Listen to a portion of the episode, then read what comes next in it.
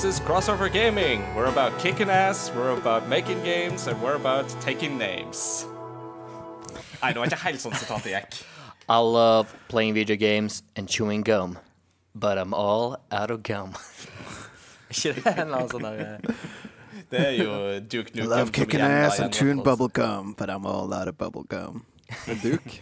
Det er Duke, Duke. men det er jo en uh, filmreferanse, da. Ja, det, er det, jo. ja. det er det jo ikke så mange som vet, men jeg husker ikke akkurat hva film det er i farten. Ikke jeg heller, jeg har bare sett akkurat det klippet. Mm. Uansett, det var jo um, Reggie meg, som jo Hans første pressekonferanse i to, på E3 i 2004. Så innleder han jo med My name is Reggie. I'm about kicking ass. I'm about taking names. And we're about making games. Det var publikums første møte med Nintendo-presidenten, altså eh, Nintendo of America-presidenten i 2004. På et tidspunkt da Nintendo hadde et eh, litt sånn barnslig rykte på seg, og sånn, så Reggie steppa opp for å kick ass og endre på det. Og det må vi jo si at de klarte langt på vei, da. Kroppen hans var klar. Kroppen hans var klar. His body was ready. Uansett, hjertelig velkommen til Crossover Gaming, eh, din uh, favorittspillpodkast, håper vi. Hvis det er første gang, så ønsker vi deg hjertelig velkommen. Dette er episode 14, så ta det helt med ro. Det finnes fortsatt flere Final Fantasy-spill enn det finnes Crossover Gaming-episoder. Så vi, Ja, det, det er det overkommelig mengde med episoder å ta tak i.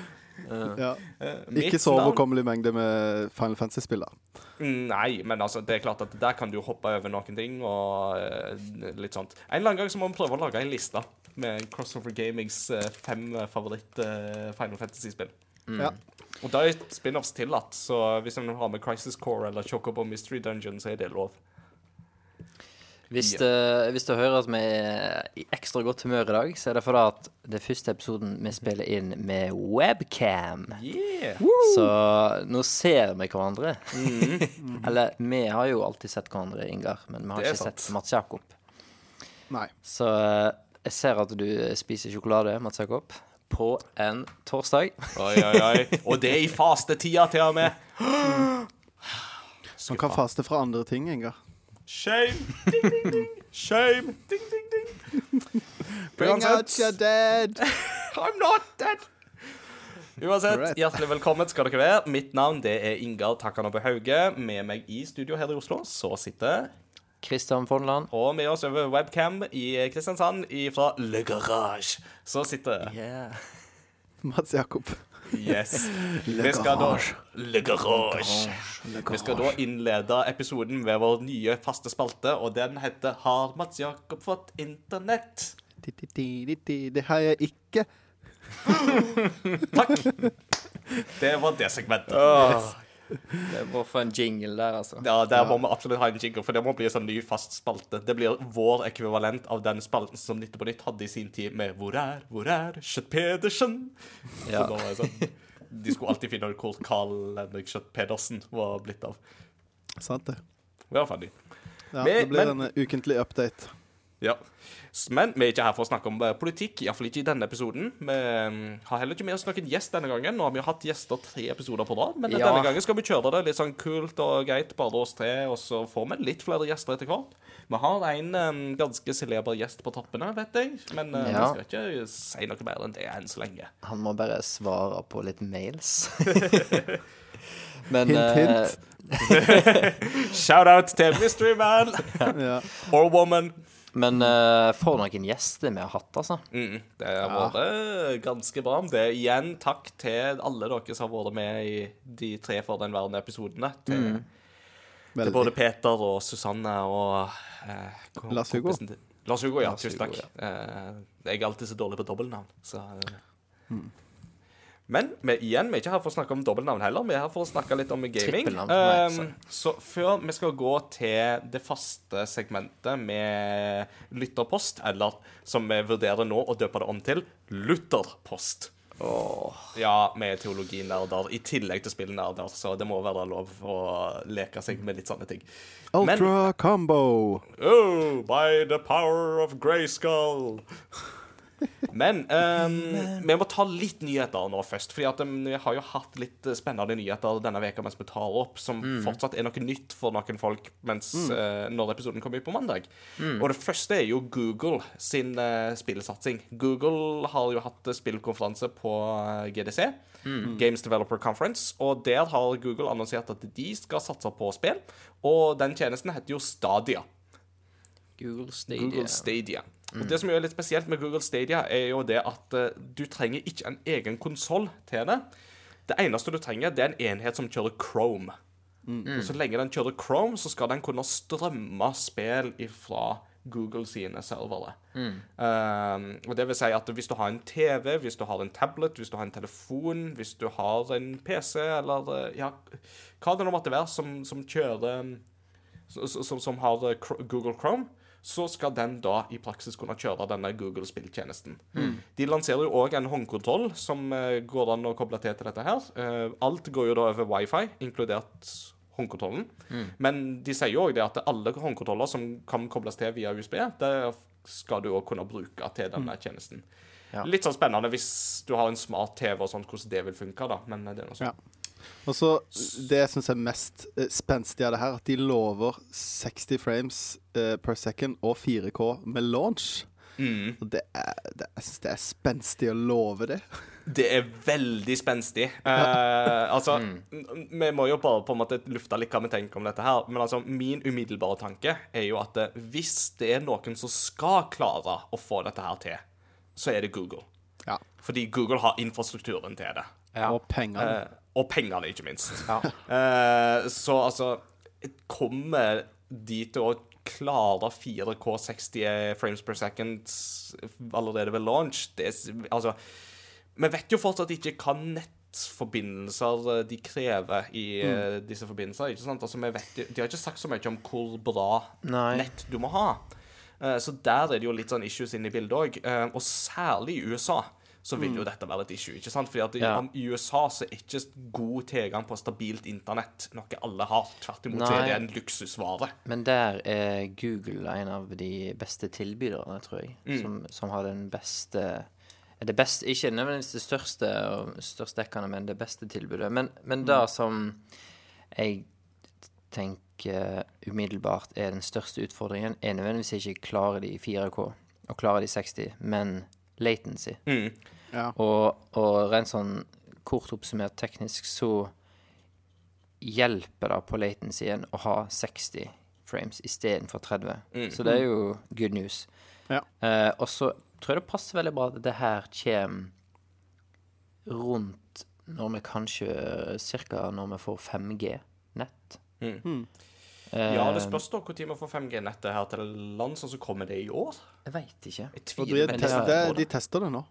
De tester det nok nå, ja, men de har jo ennå ikke bestemt seg for hvem som skal tilby det. Altså, Det er jo derfor det er så mye oppstyr rundt Huawei akkurat nå, for at Huawei er jo en av 5G-tilbyderne, og så eh, er man veldig skeptiske til Huawei-teknologi Ja. av Kina. Men det skal jo òg nevnes at uh, det er jo det samme, så å si, Microsoft holder på med, med den derre X-Cloud-kodenavnet.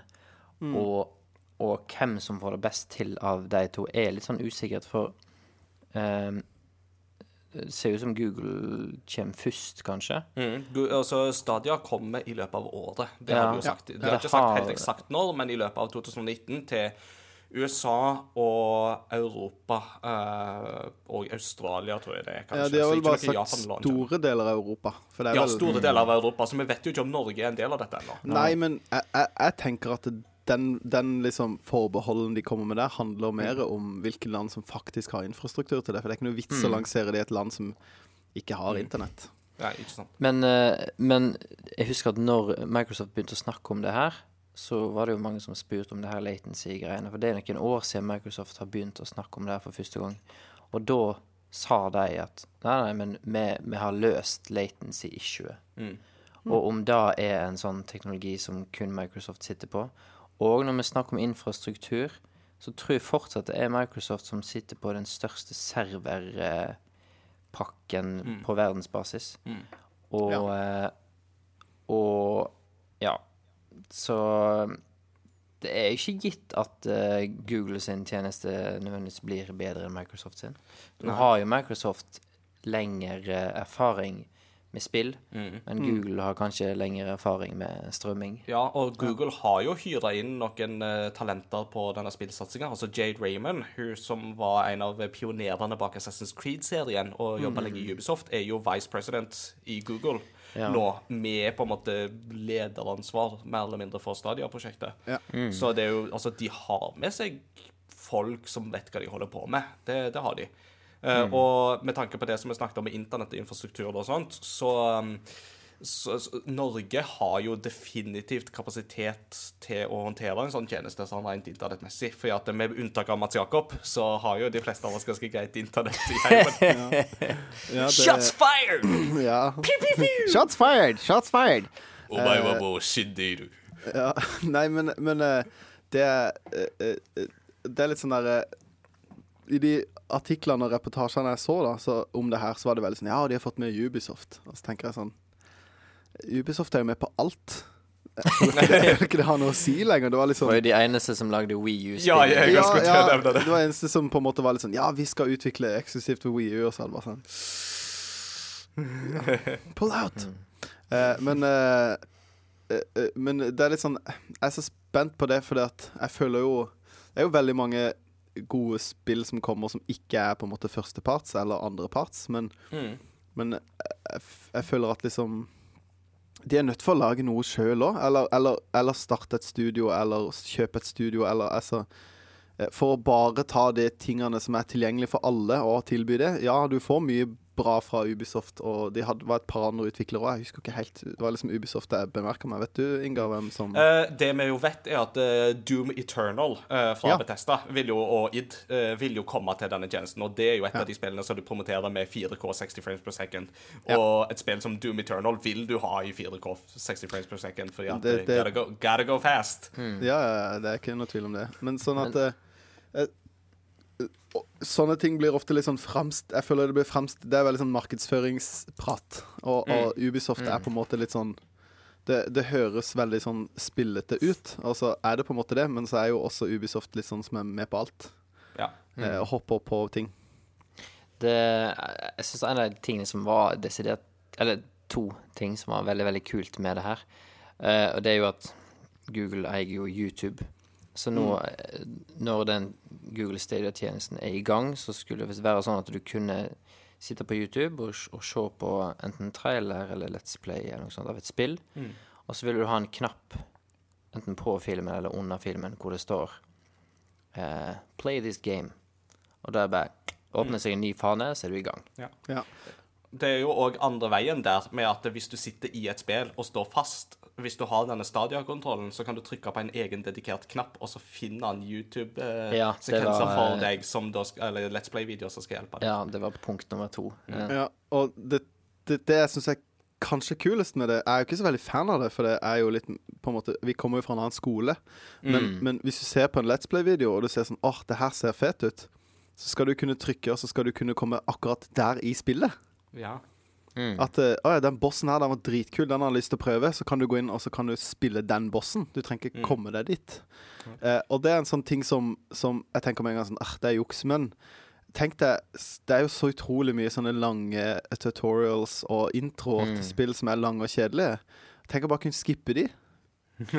Hvis, hvis det der blir normalen, så tror jeg kanskje at en kommer til å oppleve at spill blir designa annerledes narrativt messig og oppbyggingsmessig for, for den tjenesten der. Og jeg tror Google òg sitter og skal lage egne spill til de greiene her. Ja, de må jo nesten altså De må jo ha noen eksklusiver å komme med, tenker jeg. For hvis ikke, så er det jo et spørsmål altså, Hvis ikke, så tror jeg nok det blir for særlig interesserte. Eh, så de må ha noe lokkemiddel uh, i dette her. Litt sånn som Epic Store har kapra flere Stadig flere uh, eksklusive titler til, fra Steam og til seg. Så tenker jeg at eh, Google må jo prøve seg på et eller annet tilsvarende, de òg. Um, det som jo er veldig interessant, også, er jo det at de mener jo det at fordi de har denne Fordi alt blir strømma på denne måten, så mener de jo at det òg skal garantere at det ikke vil være noe juks. Fordi at det vil ikke være mulig for folk å gå inn i kildekoder og sånt og legge til mods og sånne ting. Så Aimbots de lover masse. Det blir spennende å se hva de klarer å holde. Um, Jeg er avventende, men jeg er interessert i denne tjenesten her, altså, og skal nok definitivt sjekke det ut når det kommer. Det må jeg jo absolutt gjøre. Ja. Um, det som jeg jo håper imidlertid på, det er jo at um, denne type strømmetjenester, som vi etter hvert ser mer og mer av, PlayStation Now, uh, GamePass, uh, Stadia f.eks. Jeg håper virkelig ikke at det blir det eneste på markedet. For at sånn som særlig indie-bransjen vil jo veldig fort slite i et sånt eh, landskap. Eh, snakker Ja. om? At særlig med sånne strømmetjenester. Hvis det er sånn betal 159 i måneden for Ja, å spille alt du vil, så er ikke det et marked som indie-bransjen vil trives veldig godt i. Nei, det, det har vi snakket om i en tidligere episode, men at eh, en, en må eh, En må eh, finne ut av den økonomiske modellen sånn at at uh, det går bra for alle. Ja. Mm. Mm. Det, det jeg er mest spent på i forhold til det her, er jo pris. Hva kommer dette her til å koste? For jeg er litt sånn eh, Mm. jeg, jeg liker jo å ha spillene i hylla, det vet jeg du òg liker, Ingar. Du er jo ikke Ja, ja. like opptatt av det som oss, Kristian. Men eh, men, eh, men sånn Shots fire. ja, Nei, men sånn eh, På en måte for min del, da, eller sånn eh, Jeg kjøper fremdeles Blu-ray og DVD. Jeg kjøper det stort sett på bruktbutikker og sånn, men jeg syns det er Jeg liker å eie det, det jeg har, da. Og litt sånn der, eh, Ja. Og sånn som at filmer bare forsvinner fra Netflix, eller eh, ja, at spill kan bli tatt ned, så er det jo sånn Jeg syns det er en sånn kjip ting. Og det hørte på en podkast vi snakka veldig mye om om, eh, om det de kaller for game preservation. da At liksom Mm. Hva skjer med de spillene som aldri noen fysisk eier, som ikke noen sitter med en kopi av? At du har bare lånt en kopi, og så forsvinner det. Og så Litt sånn som de her eh, Det var jo sånn banalt eksempel når det skjedde, men folk ble jo litt sånn opprørt når det her eh, ringen, Hobbiten, Lego Hobbiten-spillet bare forsvant. Mm. Og bare Ja, vi kan ikke gi det ut lenger pga. noen lisensgreier. Så er det sånn Ja, hvis du har det, så har du det. Hvis ikke, så Mm. I det. Eh, ja. Og eh, interessant eh, en, eh, Det er jo en relativt ny sak, det òg, som jo går litt sånn under nyhetssegmentet. Men akkurat det har jo skjedd i Japan akkurat nå, med spillet Judgment. Som Oi. jo er en sånn spin-off av Yakuza-serien, der du skal løse litt sånn detektiv Det er mer sånn detektiv noir. Eh, japansk krimtype spill. Eh, satt litt sånn i samme universet som Yakuza-spillene av de samme utviklerne. Men så er jo greia det at en av eh, en, en sånn popartist, en musiker, Pierre Tarot, eh, har blitt tatt for kokainbruk. Eh, og det Hvis du blir tatt for noe som helst narkotikarelatert i Japan, så er det helt kutt med en gang. Ingen vil ha noe med det å gjøre. Du er skyldig allerede i det, i det du blir pågrepet, mm. så å si. Og det har jo gjort at Sega har jo tråkket Judgment fra butikkene, fra nettbutikken. Eh, og fordi han her hadde en rolle i dette spillet, en birolle, men fortsatt at han var med. Og de vil ikke assosieres med han whatsoever. Ja. Så Judgment er enn så lenge tråkket fra det japanske markedet. Og alle fysiske kopier som allerede er sendt ut, de er sendt ut og, og solgt og sånt. Men det gjør jo at på bruktmarkedet så ser du jo nå at prisene begynner å gå kraftig opp på det, det spillet. spillet. Så hvis du har eh, Judgment uh, hjemme nå fysisk, så tar du fram en eh, blå sprittusj, og så skriver du 'Limited Edition' på, på boksen. Ikke sant? Ja, Eh, spillet skulle egentlig komme ut i Norge, eller her i Europa i Sorry. Nei, jeg bare skal si Eller så flyr du til Sveits og leier en bankboks, og så legger du det der, og så bare stiger de i verdi. Det kan du også gjøre. Mm, bare, som, som, en sånn, som en sånn nazi-gullbar. Et um, Det som jo er um, Hvor skulle jeg med dette? Uh, jo, altså Judgment skulle egentlig komme ut i Europa i, um, i juni. Eh, Og med, de har ikke sagt noe ennå om hva som skjer eh, med den europeiske lanseringa, så det er litt sånn spennende å se. da. Men det, det er jo sånn Jeg skjønner jo på en måte panikken, men jeg tenker jo det, eh, Hvis det er et spill som på en måte er populært, eller var populært i Japan og hadde potensial til å selge, så kommer de jo til å på en måte bare gjøre noe nytt med Erstatte han denne personen, og så relansere det. Mm. Det, ja, det, altså, det- er jo nok det som kommer til å skje. Um, altså, Greia er jo at han har jo òg stemmen til Olaf i uh, japanske dubben av Frozen. Så Kingdom Hearts har jo allerede fått en ny dø en, eh, patch i Japan som har fjerna stemmene hans og erstatta det med en ny uh, skuespiller. Allerede Så der har de vært temmelig kjappe på labben. allerede. Uh, men altså jeg, jeg måtte forklare dette her for noen, liksom, med at hvorfor hvor, hva er på en måte greia med at de er så reaksjonære på det? Men jeg vil jo si at eh, en av de på en måte beste sammenligningene vi har i norsk sammenheng, det er jo Petter Northug-saken. Mm. da han begynte å miste en del sponsorer og sånne ting, og folk ville ikke assosieres med han pga. fyllekjøring og bilvraking og whatnot. Da, da han begynte å bli litt kontroversiell, så var det jo mange som trakk seg eh, og ikke ville assosieres med han lenger. Eh, så det er nok på en måte litt av den nærmeste parallellen du får i norske Ja, sammenhenger. Eller at NRK sa vi skal ikke spille Michael Jackson lenger, for han var beskyldt for å være pedofil igjen. Ikke sant? Og Ja, for, for eksempel. de overreagerte, på en måte. Mm. Altså, igjen, altså, så er jo det òg et eksempel. Uh, så ja. Nei, men spennende. Det blir uansett Google Stadia. Det blir gøy. Det kan bli veldig spennende å se. Og Så for. Our bodies are ready. Ja. Our bodies Yeah. ready. Vi skal gå videre til eh, lytterspalten, hvis det ikke var noen andre nyhetssaker å ta med. Det er klart, eh, Nintendo hadde jo en liten indie-session i går eller i forrige års, var det vel? Eh, der de viste litt sånn spennende ting. Mm. Cuphead kom jo f.eks. til Switch, så det er jo veldig eh, interessant. Og skal kjøre på mm, Xbox Live-tjenesten. Så det er jo interessant. Um, Ja. Og så er det jo, kommer det en sånn crossover-spill mellom Crypt of the Necrodancer og The Legend of Zelda. Det så gøy ut. Så det så Det var sånn Dette var crossoveren jeg ikke visste at jeg ville ha. Ja. så, Ja, det så litt stilig ut, ut, så så den eh, gleder jeg meg til. Men jeg har ikke spilt Crypt of the Necrodancer ennå, så det må jeg få gjort. Men det virker som min type spill, fordi at det er sånn rhythm-based uh, rogelike. Det, Mm. det kan jeg like. Det så, så iallfall gøyere ut enn Triforce Heroes. Ja. Ja. Uh, Try for Zeros var jo ikke så fryktelig gøy. Det hadde noen momenter og sånt, men uh, dessverre så var det litt for eksperimentelt Ja, til det, kan, sitt eget beste. det er ikke gøy aleine. Det var liksom det. Det var skikkelig Mm. det- sånn Ja. Tedious er det beste ordet jeg kommer på. Ikke sant? Kanskje når, vi, når jeg og Kristian kommer til Kristiansand og skal besøke deg, og vi skal spille inn podkast sammen, vet du, kanskje vi må ta med hver vår 3DS og spille Try for Zero sammen? Det Kanskje det hadde vært noe? Oh. Eller uh, eh, Four Swords Adventures. Ja. Oh. Det hadde vært gøy. My body is, my body is ready.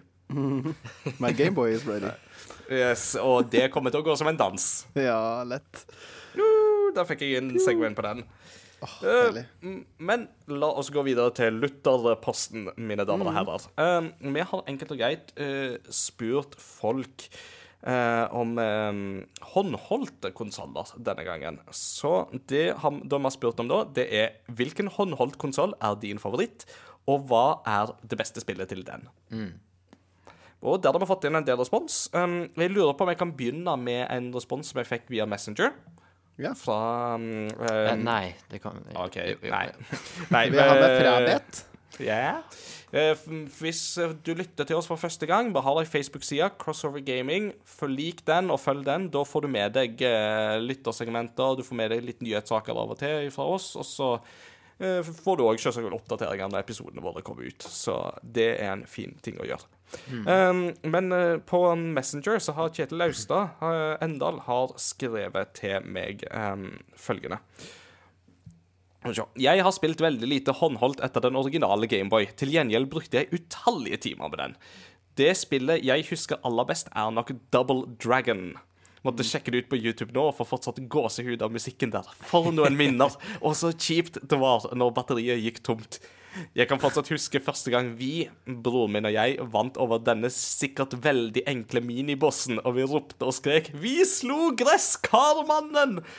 Det ser litt ut som han har et gresskar på hodet. Og jeg har sett bilder av denne feste minibossen, og ja, det ser ut som en gresskarmann, så jeg skjønner det veldig godt.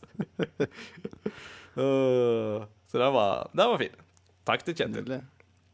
Vil um, du ta videre, Kristian? Ja, jeg kan uh, begynne på det som er øverst hos meg. Det er Inge Andreas Jacobsen. Han skriver to tanker herfra. Én.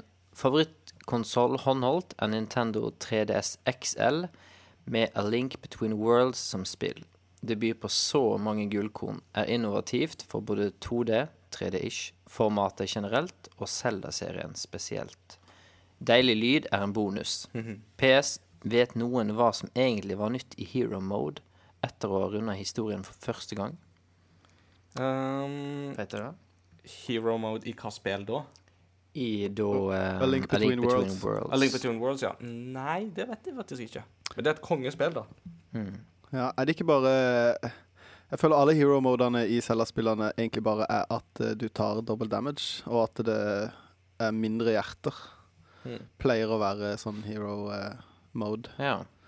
OK. Så jeg tror ikke det var så mye mer Det var ikke noe mer content, på en måte. Det var bare vanskeligere. Mm. Så vidt jeg husker. Kan jeg ta kjempefeil? Eh, tanke nummer to her.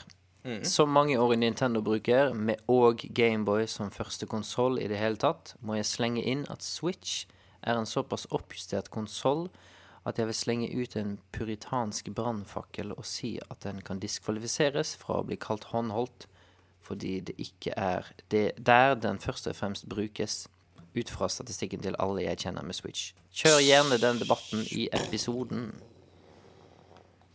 Det var en brannfakkel. Ja, hva tenker Ja. dere? Jeg, jeg kasta brannfakkelen. Um, ja, hva tenker vi om det? Er Switch en håndholdt kontroll eller Ja. ikke? Jo, det er en håndholdt kontroll. Kristian? Christian. Det er en håndholdt Altså, en ting kan være to ting. Det, det er en håndholdt konsoll. Schrødingers konsoll. ja. Det er jo en håndholdt konsoll, for du kan eh, spille den håndholdt. Og ha den med deg i, eh, i sekken din og sitte på T-banen på vei til jobb eller skole og spille. Eller buss, eller Ja. Det er, det er en håndholdt. Som, så kan du òg koble den til en skjerm. Ja. Og så er det en håndholdt eh, Det er håndholdt eh, Det er mobil maskinvare som er inni den her. Så hvis en skal snakke teknisk, så er det ikke stasjonær eh, maskinvare, men det er mobil maskinvare. Har du noe å skyte inn der, Mats Jakob? Eh, jeg er på en måte enig og uenig. Jeg, eh, jeg tenker at eh, eh, Jeg tenker at ja jeg, jeg, tenker at det er en hjemmekonsoll du kan ta med deg. Eh, litt eh, Og eh, min vinkling til det her er litt hvilke type spill som er på. Eh, fordi at eh, um, eh, For min del, og jeg opplever for veldig mange, at en håndholdt konsoll handla litt om åssen type spill som var på. Eh, og det har alltid vært et stort skille der, og så har Switchen på en måte viska ut det skillet, da. Mm. Men eh, jeg, jeg personlig kan ikke fordra å spille Switchen håndholdt, for jeg syns den er så vond å holde på. Så jeg bruker den sjelden som håndholdt. Eh, Jeg har litt den statistikk på et dette sted, her, da, så- som kan på en måte den på avklare litt saken òg, i, den diskusjonen. Eh, og det var jo Det en eh, min, eh, statistikk som um, vinkling på det. men, Nintendo sjøl kom med. Det, det begynner å bli litt gammel, da, så den burde jo egentlig vært oppdatert. Ja, men Jeg spiller mest uh, i oktober TV-en, men kona 2017 bruker den så lanserte Nintendo litt statistikk på hvordan folk i Japan, USA og Europa spilte med Switch, primært. Eh, og da, spurte, da var det tre alternativ. Du kunne svare eh, um, håndholdt-modus, du kunne svare docking-modus, eller du kunne svare at nei, spiller så å si like masse i begge modus. Um, og det folk svarte da, var det at det, var sånn cirka um, en god del spillere sånn omtrentlig like masse i både håndholdt og dokka-modus og har liksom ingen sterke preferanser. Men av de som har preferanser, så foretrekker de fleste unducked mode, altså håndholdt. Enten at de holder den i nevene, eller at de setter den på bordet og spiller eh, som en sånn liten tablet. Mm. Det, er faktisk så, det var faktisk så masse som eh, 30 av de som ble spurt, eh, eller eh, det som ble undersøkt da. Mens i underkant av 20% spilte han primært i TV-modus. Et, et annet argument for at han er håndholdt, da, er jo at eh, han har sin egen skjerm. Og det er jo det som eh, skiller en bærbar datamaskin fra en stasjonær datamaskin. Ja, for eksempel. Så, Eh, ja. Og at du kan ta den med deg, selvfølgelig. mm. så det er jo det at den er jo en hybrid, ikke sant? Altså, den er jo litt begge deler, så det er, jeg skjønner absolutt på en måte argumentet, eller på en måte spørsmålet. Men jeg vil nok si at um, den kan absolutt klassifiseres som en håndholdt konsoll. Og som du sier, a thing can be two things. Eh, den kan jo Bare fordi den kan brukes i TV, så er det ikke gitt at den må brukes i TV. Og det er jo der nøkkelen til Switch sin suksess ligger. Men Mm. Men ja. Nei eh, Jo, jeg bare Eh, i, i, for i trådens eh, eh, eh, Hva skal jeg si eh, heart, så jeg Så skjønner jeg hvorfor folk ønsker å diskvalifisere han, for det, det blir jo på en måte feige lag. Eh, fordi at eh, OK, ja, Link Between Worlds er et bra eh, spill. Veldig, Mm. veldig veldig bra spill, og veldig mange Alle de spillene som blir nevnt, er gode spill. Absolutt. Eh, men på en måte hvis vi skal på en måte sammenligne Breath of the Wild og eh, A Link Between Worlds, så er det jo på en måte Det er to forskjellige ligaer. Mm. Og da, har- da hadde det blitt litt kjedelig, da, for jeg tror veldig mange hadde bare skrevet Switch. Mm. Uten nostalgibiten, da. Ja, men nostalgi skal en ikke diskvalifisere diskvalifisere heller. Altså. Jeg skal ikke kimse av det, tenker jeg. Så det er absolutt legitimt. Så lenge en på en måte er klar over at eh, det var liksom den gang da, men de, den opplevelsen da er jo fortsatt reell, ikke sant? Mm. Ja, ja. Så, mm. så Vi må eh, hoppe videre. Ja, vi må hoppe videre, men eh, jeg syns det var en interessant diskusjon å ta. Uh, Mats Jakob, vil du ta en kommentar? Ja, neste i min tråd var eh, eh, Jarl Håkon, som har Mm. skrevet Beste håndholdte konsoll? Hmm, det blir nok Gameboy Advance SP for min del, med yeah. Pokémon Sapphire som spill. Uh, Og den eh, kan jeg stille meg bak. Mm. Det ble noen timer under dyna med baklytt, baklyst skjerm eh, etter leggetid, eh, når det Ja. spillet kom.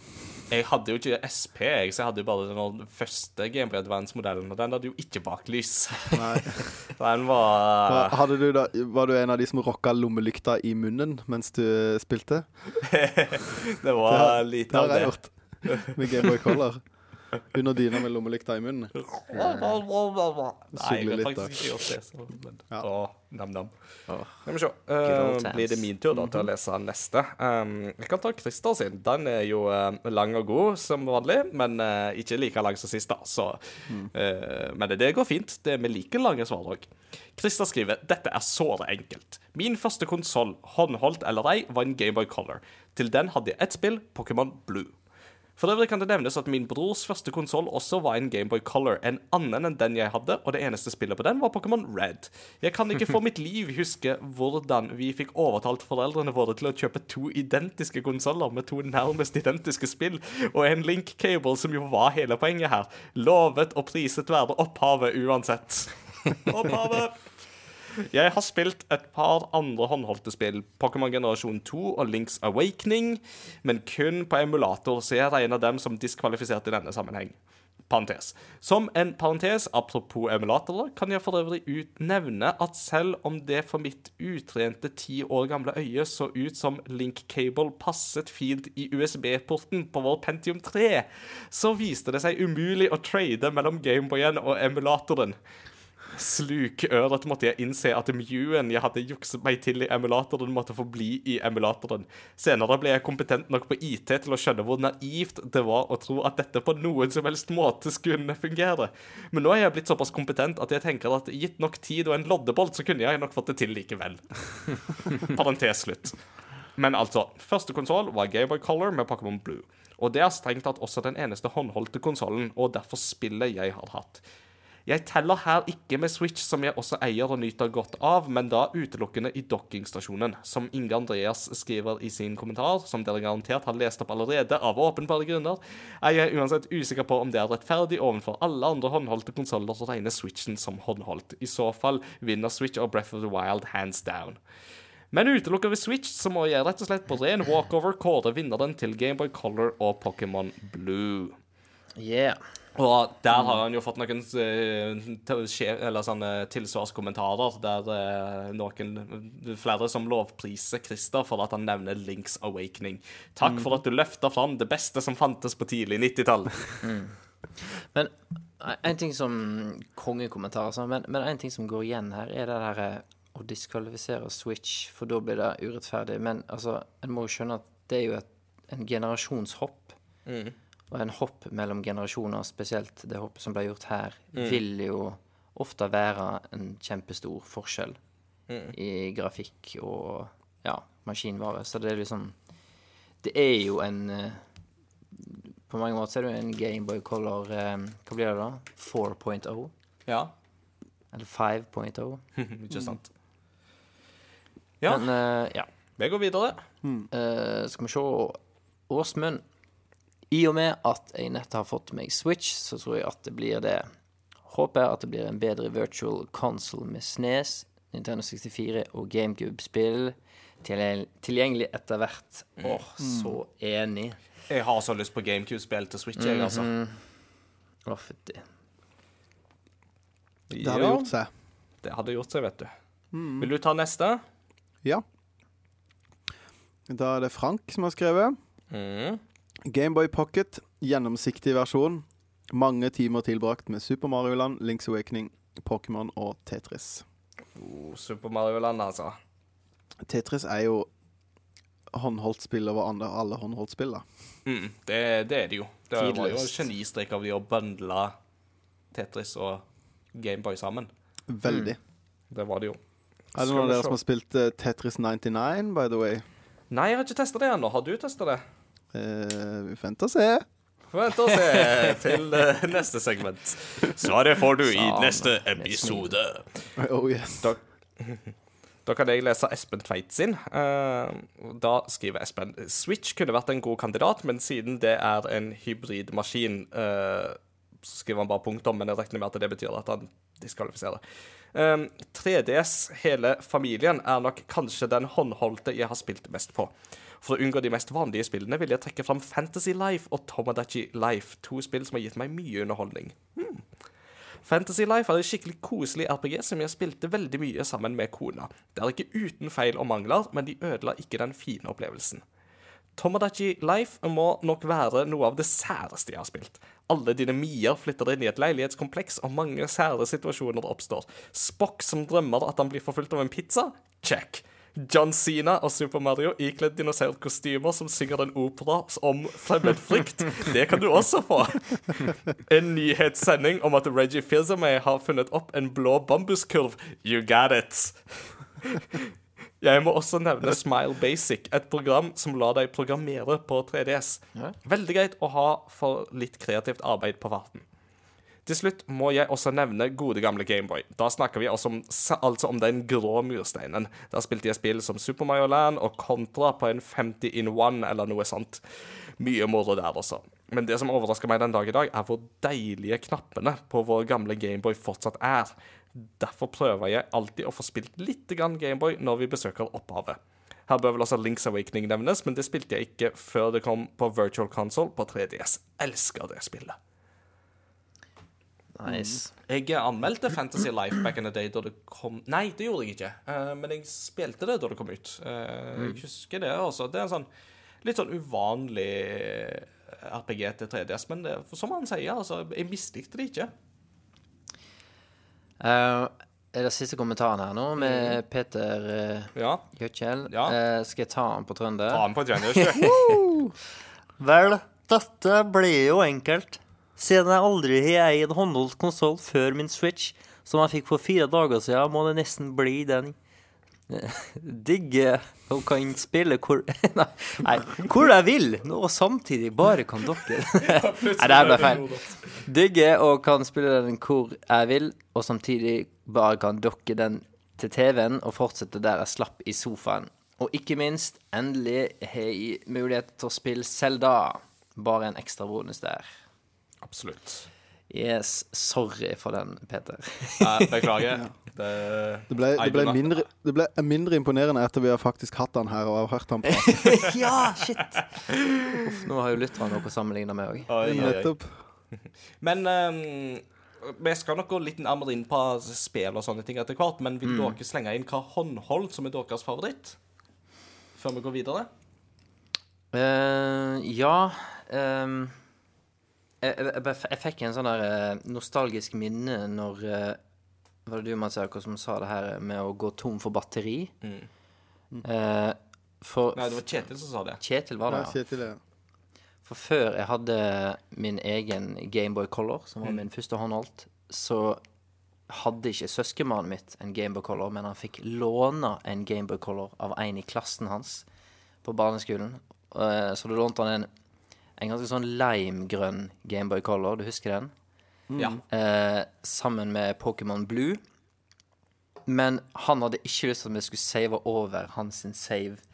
Så det var liksom Når jeg eh, overnatta ofte hos uh, hans søskenbarnet mitt, og da satt vi liksom lenge oppe og spilte, helt til vi liksom ikke orker å holde øynene opp, åpne lenger. Og så la vi fra oss Gameboyen med liksom power on, for vi kunne jo ikke save. Nei. Og det var jo bare én save. Du hadde ikke flere save-slots. Eh, og la oss sove og håpte at han ikke var gått tom for batteri dagen etterpå.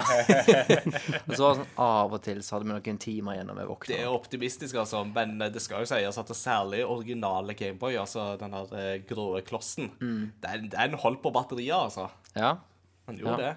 I motsetning til Game Gear, som jo bare slukte dobla Ja, batterier ja, ja. som dugg for solen. Ja, Men, det var eh, krise. Men sjøl så hadde jeg da den her eh, Den lilla, gjennomsiktige Gameboy Color. Mm. Og så det første spillet jeg fikk sammen med den, var Pokémon Silver. Silver, ja. Så det blir nok det som eh, Det blir nok uh, Gameboy Color som er Mm. Ja, nostalgien vinner. Det er nok det som er favoritten. Nice. Ja. Du da, Mats Jakob? Nei, det er Det blir jo Gameboy Color for meg òg. Liksom, vi er jo helt riktig generasjon for det. Eh, eh, jeg husker første gang jeg så noen spille Gameboy Color. Det var i skolegården. Det er første gang jeg så Pokémon. Skjønte ingenting. Og syntes at det så superkjedelig ut. For jeg så bare en, en battle. Og det var bare sånn Hva er det her for noe? Jeg tenkte sånn Det her ser ut som sånn gammelt PC-spill som Det minte meg om liksom Ja, det var bare sånn der Hæ, det her ser kjempeteit ut. Og så skjønte jeg jo etter hvert hvor kult det var, og jeg ønska meg eh, Gameboy den høsten. Ønska meg det til jul, fikk det ikke. Og så eh, fikk jeg det til bursdagen. Jeg har bursdag rett før sommerferien. Eh, og hadde, hadde jeg gått og mast og mast og ønska og liksom sagt det dette ønsker meg, det dette ønsker meg. Jeg har sagt før at min strategi var jo å ønske meg én ting. Mm. Eh, sånn at jeg var sikker på at jeg fikk det. så, eh, så på bursdagen min så får jeg da en gul Gameboy Color med Pokémon blå. Nice. Yeah. Og mamma og pappa var så glad. Jeg ble kjempeglad. Og så sier mamma åh, jeg er så fornøyd. Jeg kjøpte den på januarsalg. Jeg fikk den så billig. Og så ble jeg sånn Har du hatt den her siden januar? Har du hatt den i fem måneder i skapet uten at Altså ah! det, bare, det bare drepte halve gleden. Og bare Er det mulig? Kan liksom Har du holdt dette hemmelig? Har denne vært i huset? Jeg har sittet og lengta og lengta. Så det var Og det Jeg husker så utrolig godt eh, reklamene. TV-reklamene for Pokémon og Gameboy Color. da Og jeg fortalte jo det i en tidligere episode at jeg satt og så på Pokémon VHS-er med sønnene mine.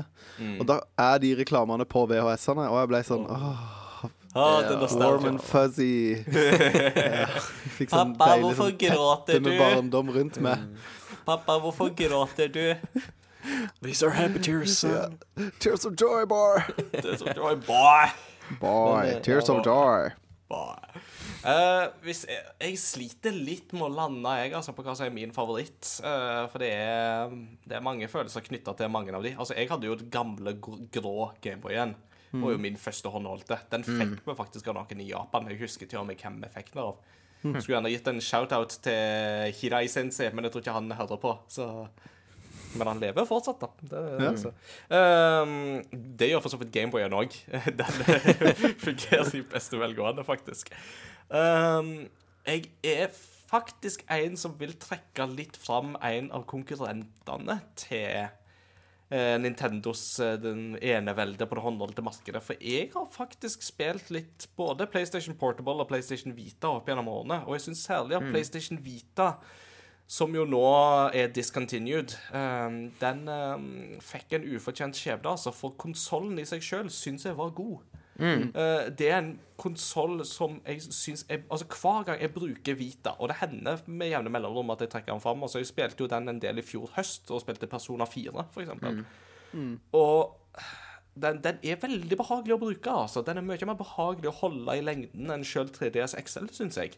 Ja. Så, um, og skjermkvaliteten er jo fantastisk, og lydkvaliteten er god. Og, og Det er en. OLED-skjerm, ikke det? Ja, den OLED-skjermen det, det, den er, overgår jo 3DS-skjermen by far. altså. Den gjør jo ja. det. Uh, men dessverre så var jo problemet med Vita at den, den hadde jo ikke spill uh, som klarte å lokke Eh, og de, de sleit jo med en strategi for den. Um, Ja. Så jeg må nok si at for min del så er det nok faktisk Jeg vil gå så nytt å si 3DS, altså. Um, selv om jeg er glad i en del av altså Game Advance og kjempemange gode minner. Det skal jeg komme tilbake til litt senere. Men for meg så er 3DS-biblioteket har liksom bare vært et bibliotek som har vokst seg opp til å bli bare bedre og bedre. Eh, og det er veldig gøy, altså, for 3DS begynte jo ikke så bra. Uh, den begynte Den hadde jo feila litt etter det første halve året. Den solgte jo mindre enn de hadde forventa og alt. Og det var da Nintendo snudde på strategien sin. De kom med dette ambassadørprogrammet som sa at eh, folk får ti Altså alle som har kjøpt innen sånn og sånn, de får ti gratis Game Boy Advance-spill og ti gratis NES-spill som de kan laste ned på eh, 3DS-en, som bare de får. Eh, I alle fall Game Boy Advance-spillene har jo alle blitt gitt ut til noen andre eh, enn disse ambassadørene. Eh, og så kom de med knalltitler etter hvert. altså De kom med Fire Emblem Awakening, de kom med A Link Between Worlds uh, og masse forskjellig. Og de solgte meg på 3DS, altså. Uh, og det er en konsoll som jeg har brukt fryktelig masse. Mm, og den har berga meg på mang en kjedelig busstur og flytur. Ja. og I don't know what, altså. Det er nostalgi, det er vel og bra. Men 3DS er en konsoll som jeg fortsatt vil trekke fram som kanskje min favoritt, altså. Og hvis du skal ha liksom eh, Hva skal jeg si bang for your buck, så er jo 3DS-en virkelig en konsoll å gå for. Fordi du har jo hele 3DS-biblioteket og DS-biblioteket, som er Ikke gedigent. sant? Mm, Så det er jo liksom- òg er jo vanvittig. Du har jo eh, et par-tre år med Pokémon-spill, hvis du vil, på, Mm, i det biblioteket der.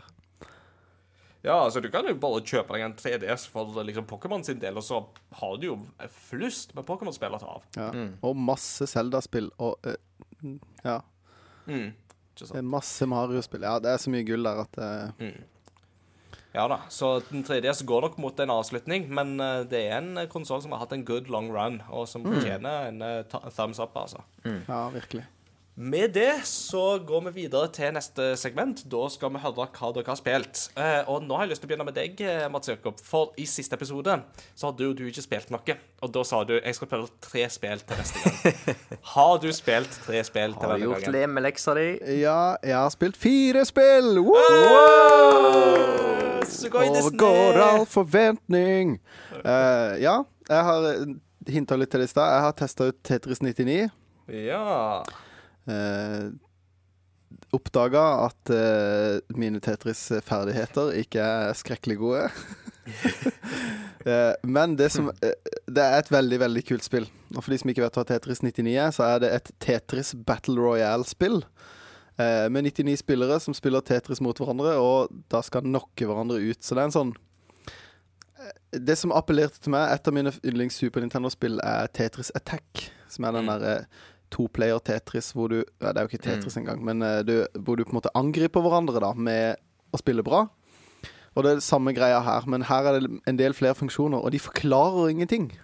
Nei, det er litt Det står ikke noe sted hva du skal gjøre for å knocke ut andre spillere, eller hva du kan gjøre som er bra, disse Du får sånne badges, og hva de er bra for, og sånne ting. Det er ingenting som blir forklart. Det er en kjempe-community på Reddit som er liksom, hvor du kan gå inn og få Som har forklart og satt seg inn i dette. Eh, hvis du virkelig vil gå inn i det. Men eh, målet mitt er egentlig å hooke Tuva på Tetris eh, 99, for hun er en racer i Tetris. Oh. Eh, og elsker Switch. så nå er jeg livredd for prøve. Plutselig så havner hun på eh, den eh, Ja, ganske har, høyt opp på rangstigen igjen, vet du. ja, og da får ikke jeg spille Switch på et år. Eh, så det Så jeg testa ut det. Det er veldig kult. Og det er eh, Matchupen skjer med en gang, og det er gratis. Ja. Det er gratis å laste ned. Og jeg tror det bare er på Switch. Jeg tror ikke det er på noen annen konsoll. Jeg tror jo det er tilfellet, ja. Ja. Eh, så det er en ganske kul Switch-eksklusiv, og litt sånn eh, gøyal twist på den Battle Royale-pakka. da At de er liksom Mm. Ja. Det er gøy å se at det har overføringsverdi til andre spillsjangre. da Mm. Eh, Så jeg har spilt det, og så har jeg spilt eh, et spill som heter Ape Out. Eh, etter å ha hørt på uh, Lolbua, så hørte jeg at Jon Cato hadde spilt det. Syns jeg det hørtes veldig kult ut. Og det som er Du spiller en gorilla som skal rømme fra en forskningslab, eh, og så er det litt sånn eh, Det er ikke Endless Runner, men det har litt sånn Endless Runner-vibber. Eh, hvor du Mm. skal liksom kjempe deg gjennom tilfeldig genererte baner. Så det, banen er ikke lik hver gang. Du kan ikke lære deg banen. Du må liksom skjønne, men du skal alltid til høyre. Mm. Og så eh, Musikken i spillet er bare trommer som appellerer til meg. Eh, så det er jazztrommer, og det er, sånn for å, det er masse vakter som skyter deg, som går med sniper rifles og skal skyte deg. Og måten du tar dem på, er å dytte dem i veggen, så de spletter. Og det, det her er sånn eh, eh, For eksempel gorillaen har bare én farge. Det er veldig sånn der eh, eh, Jeg husker ikke hva malestilen heter. Impresjonistisk. Jeg vet ikke. Jeg er litt sånn der okay. Så får du litt sånn Picasso-klumpete, firkanta farger. Ja. Mm. Eh, eh, hvor da hver gang du gjør et eller annet, så gjør jazztrommisen et eller annet sånn Eller eh. Eh, og det er, det er dødskult, og det er veldig sånn Det er veldig kult når spillet Musikken reagerer på det du gjør i spillet. da Det er på en Ja. måte Hele soundtracket er basert på hva du gjør. Mm. Mm. Så det, det, er så eh, gøy med sånne spill. det er veldig, veldig tøft. Jeg anbefales sånn skikkelig. Birdman-aktig eh, soundtrack, kanskje? N- Nettopp. Hvis Ja. Til de som har sett Birdman, så er det Oh. en film som uh, har bare jazztrommer som soundtrack, hvor hele filmen er redigert som at hele filmen er ett take. Ja. Det er ingen Birdman eh, 4! You do Birdman 4! Ja. Kjempegøy Ja. film. Oh, Mm. Eh, digger den filmen. Så har jeg spilt mer på Uncharted 3. Snart ferdig. Oi, hei! Yeah. Nå begynner det å bli eh, Nå begynner det å dra seg til. Ja. Eh, og eh, Har du vært Ja. i den båten, i det skipet? jeg er der nå. Det Ja. Da Mm. husker jeg var impressive. når Det er jo teknisk imponerende, for alle disse hav- og bølgebevegelsene er jo ikke Altså, det er jo. Procedurally generated, det òg. Mm. Altså, det skjer jo. De har jo på en måte simulert hele det havet. og det er jo ikke Mm. sånn at de bølgebevegelsene går etter et mønster, det heller. Så det er jo kjempeimponerende. Og det er jo litt sånn eh, Når man spiller mye Uncharted etter hverandre, så begynner man jo å bli litt sånn Og så skjer det, og så skjer det, og så Mm. går du inn i en hule, og så når du kommer ut, så skjønner du at når du kommer ut, så møter du noen bad guys, og så Mm. Det er jo litt sånn eh, Jeg skjønner at man ikke, kanskje ikke tenkte like mye på det når, når de kom Når det var års mellomrom, men når man spiller de liksom på kjappen, så Mm. blir det jo liksom tydelig formel, da. Eh, Ja da, og det er klart klart at ja. Og Uncharted 3 fikk jo litt kritikk for det da det kom ut, husker jo jeg òg. At det, det, det så jo fantastisk ut og føltes jo absolutt ut som et bra spill, og det var ikke det. Problemet var jo bare det at Uncharted 2 var jo så bra og satte standarden så høyt at det, Mm. det ble på en måte litt for mye av det samme da når det kom til Uncharted 3 for Ja. veldig Ja. Og så hadde jo de to største talentene fra Uncharted 2 hadde jo tatt med sin egen gjeng og begynt å lage The Last of Us, mm, mens en annen gjeng satt igjen og gjorde Uncharted 3. Ja, det føles litt som Ikke DLC, men det føles litt som Uncharted 2-2, hvis du skjønner hva jeg mener. Ja. Eh, Det men- føles men litt det- som The Force Awakens. ja. Haven't I seen this before? uh, men jo, så det er stas. Men siden sist, spillhøydepunktet må være eh, var hos eh, eh, en kompis, Christer. Mm -hmm. Og skulle, vi skulle henge med og Christer og min venn Bård. Eller Bård, for dere som eh, ikke er fra Sørlandet. Eh, og vi spiste Vi lagde ramen fra bunnen av. Yes. Smakte eh, eh, splendid. Og så sitter vi der og sier ja, hva skal vi gjøre for noe? Og så Så sier jeg vi skal ikke spille Heroes 3 Hot Seat. Oh. Og alle bare ja! Og så satt vi i fem timer og spilte Heroes 3 Hot Seat. For de som ikke vet hva Hot Seat er, da, dette er da et turbasert strategispill hvor da du gjør din runde, og så er du ferdig, og så må du vente til de andre har gjort sin runde. Mm. Så vi satt tre voksne menn foran en litt gammel laptop og liksom trippa. Og bare! Og Det den tar musikken så lang og, og det er så fantastisk, Ja. og det er så gøy. Ja, Det hadde jo 20-årsjubileum det nå for ikke så lenge siden, for det kom jo ut eh, 28.2.1999. Eh, Ja. Og det er få spill fra den tida der som har holdt seg så bra som Heroes 3, altså. Ja, det er Ja. så fantastisk bra.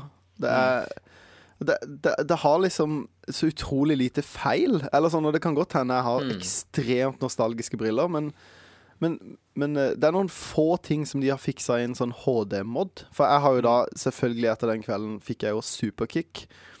Eh, Kjøpte på Good Old Games, lasta ned programmer som gjør at jeg, det, jeg kan eh, spille det på Mac-en.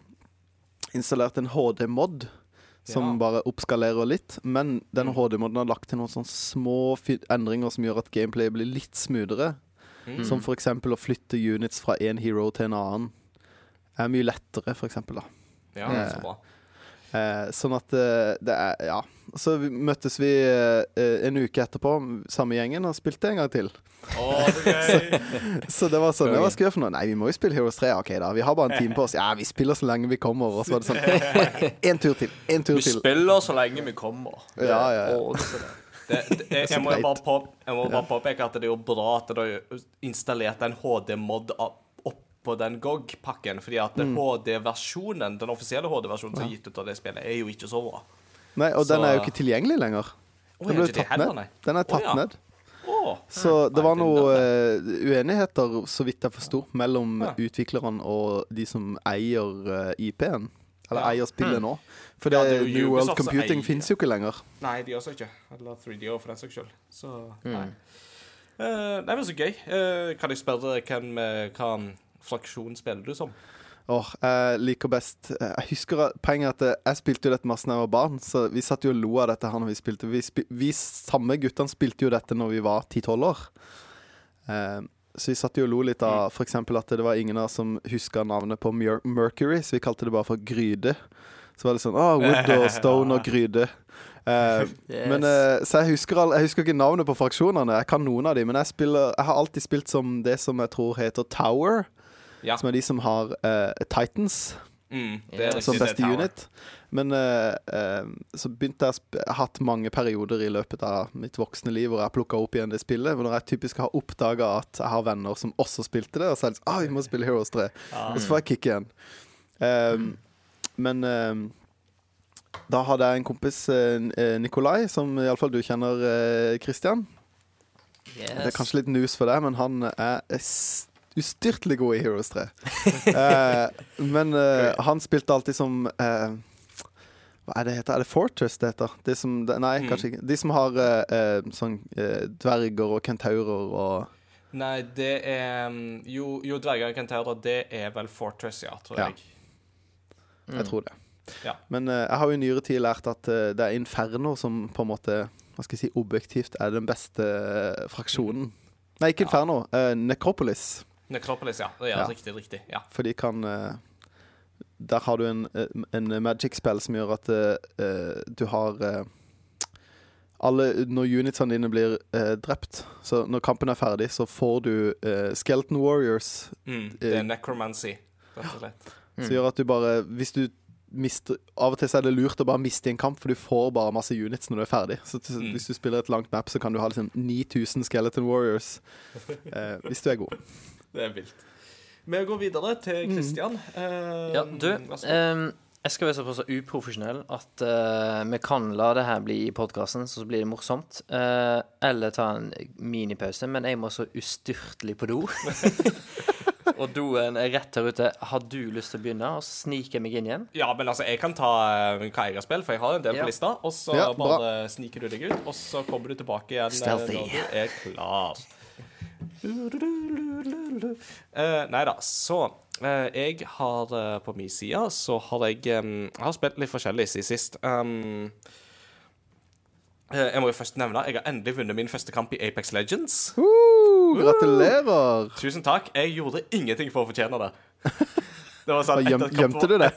Nei, det var bare at de dilta så langt bak etter de andre. Jeg klarte aldri å ta det igjen. og sånt. Det var to tilfeldige jeg spilte med. så det var sånn, når kampen var slutt, så hadde jeg null kills og 150 damage jeg hadde gjort. De andre hadde sånn 85 kills og eh, over 1000 i damage hver. Så det var litt sånn Jeg bare skrev til dem GG, I did nothing.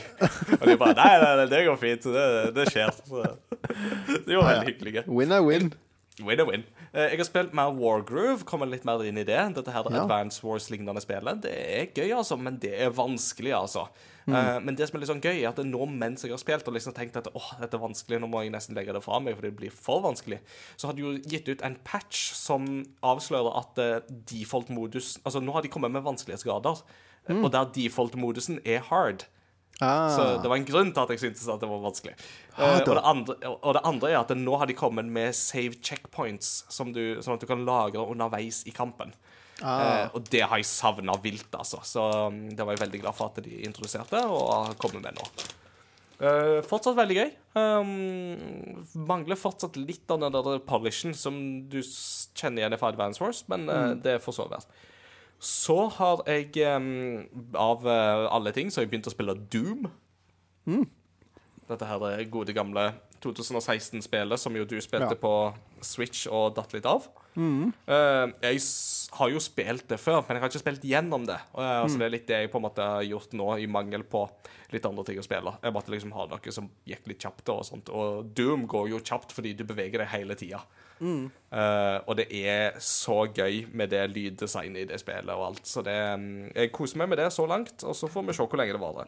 Um, og så skal vi gå litt retro, fordi at eh, jeg eh, har um, dratt fram min gamle Nintendo 64, og så har jeg spilt Snowboard Kids. Åh, det er gøy. Husker, husker du det?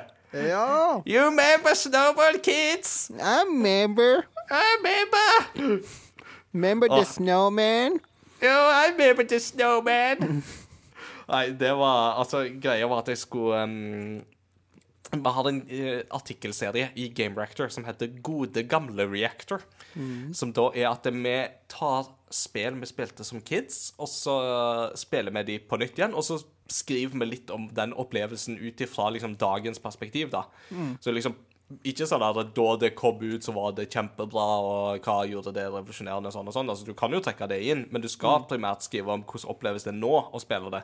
Ja. Uh, og det jeg jo må si, er jo at Snowboard Kids er jo fortsatt kjempeunderholdende. Eh, Jeg synes at den formelen der funker godt fortsatt. Det er jo en sånn Mario Kart-klone som kombinerer liksom de to ting som var hippe på 90-tallet, snowboard og Mario Kart.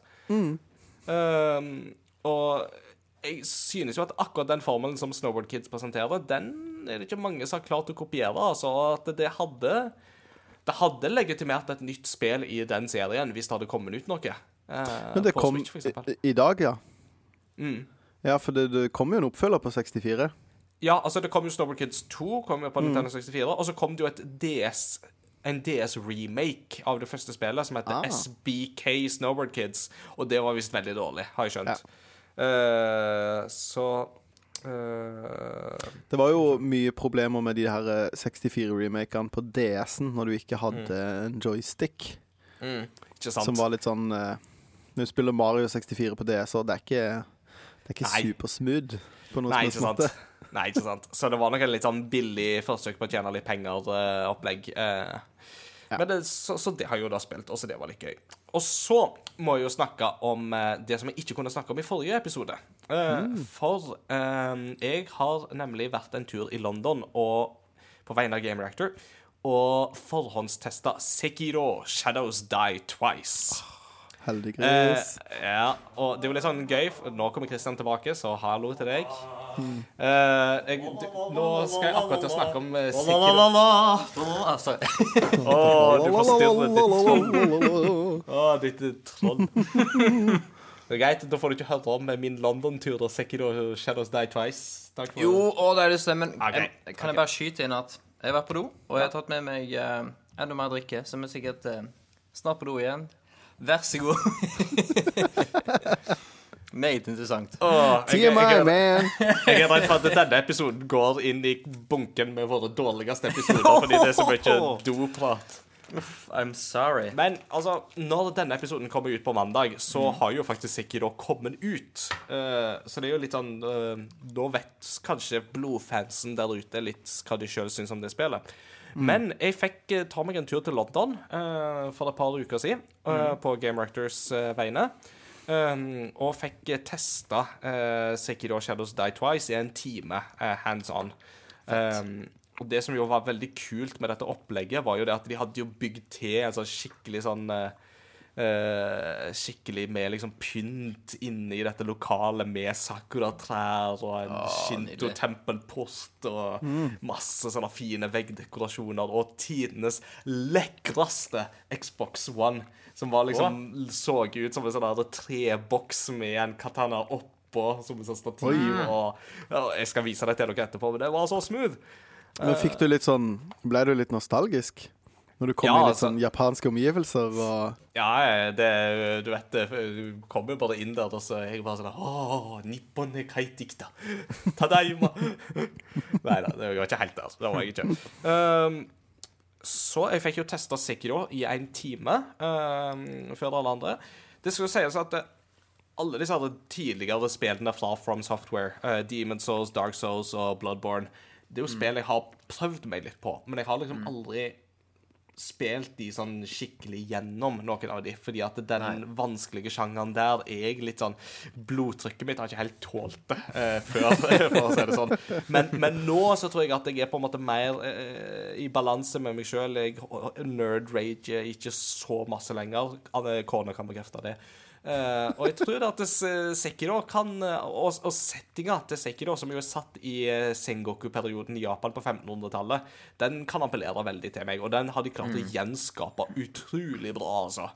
Det er sånn rustninger, eh, setting, bygninger, arkitektur, klær Alt det der er på en måte helt to the point, altså. Så det i seg sjøl er nok til at jeg har forhåndsbestilt spill og skal teste det litt til, mer til neste gang. Stilig. Uh, det er vanskelig. Det, er, det tror jeg folk vil oppleve. Og det er noen nye ting i det som gjør at det likevel skiller seg litt ut fra de der klassiske Souls-spillene. Eh, men jeg tror fortsatt at det er mer enn nok her til at Souls-blodfansen vil sette pris på, pris på dette, altså. Det tror jeg. Og så fikk jeg jo, på toppen av dette, så fikk jeg jo et introduksjonskurs i kendo-fekting. Yes. Eh, det var jo en del av programmet.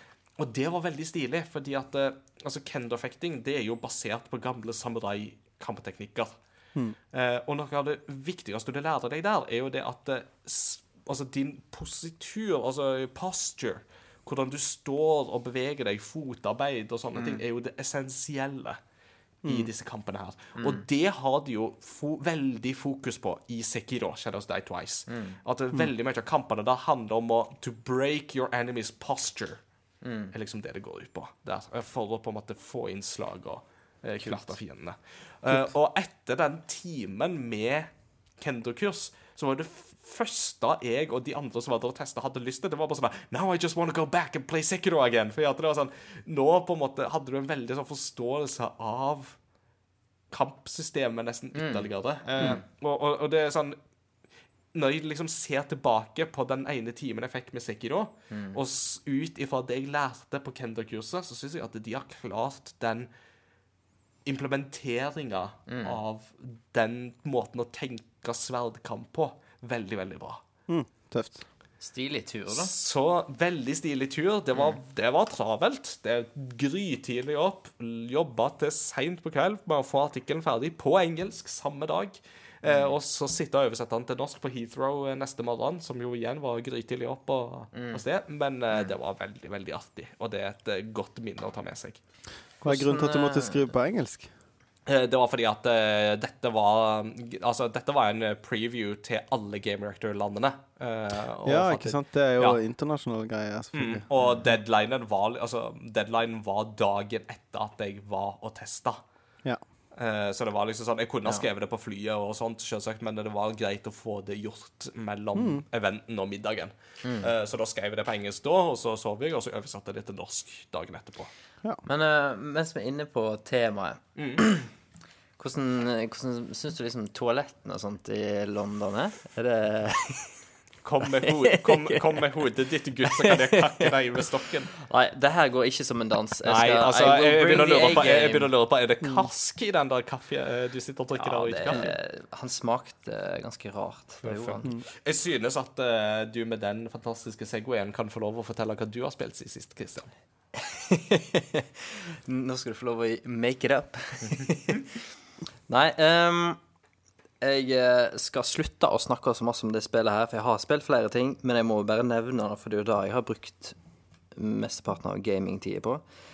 Og uh, Assassin's Creed Odyssey er så utrolig kjekt spill. Altså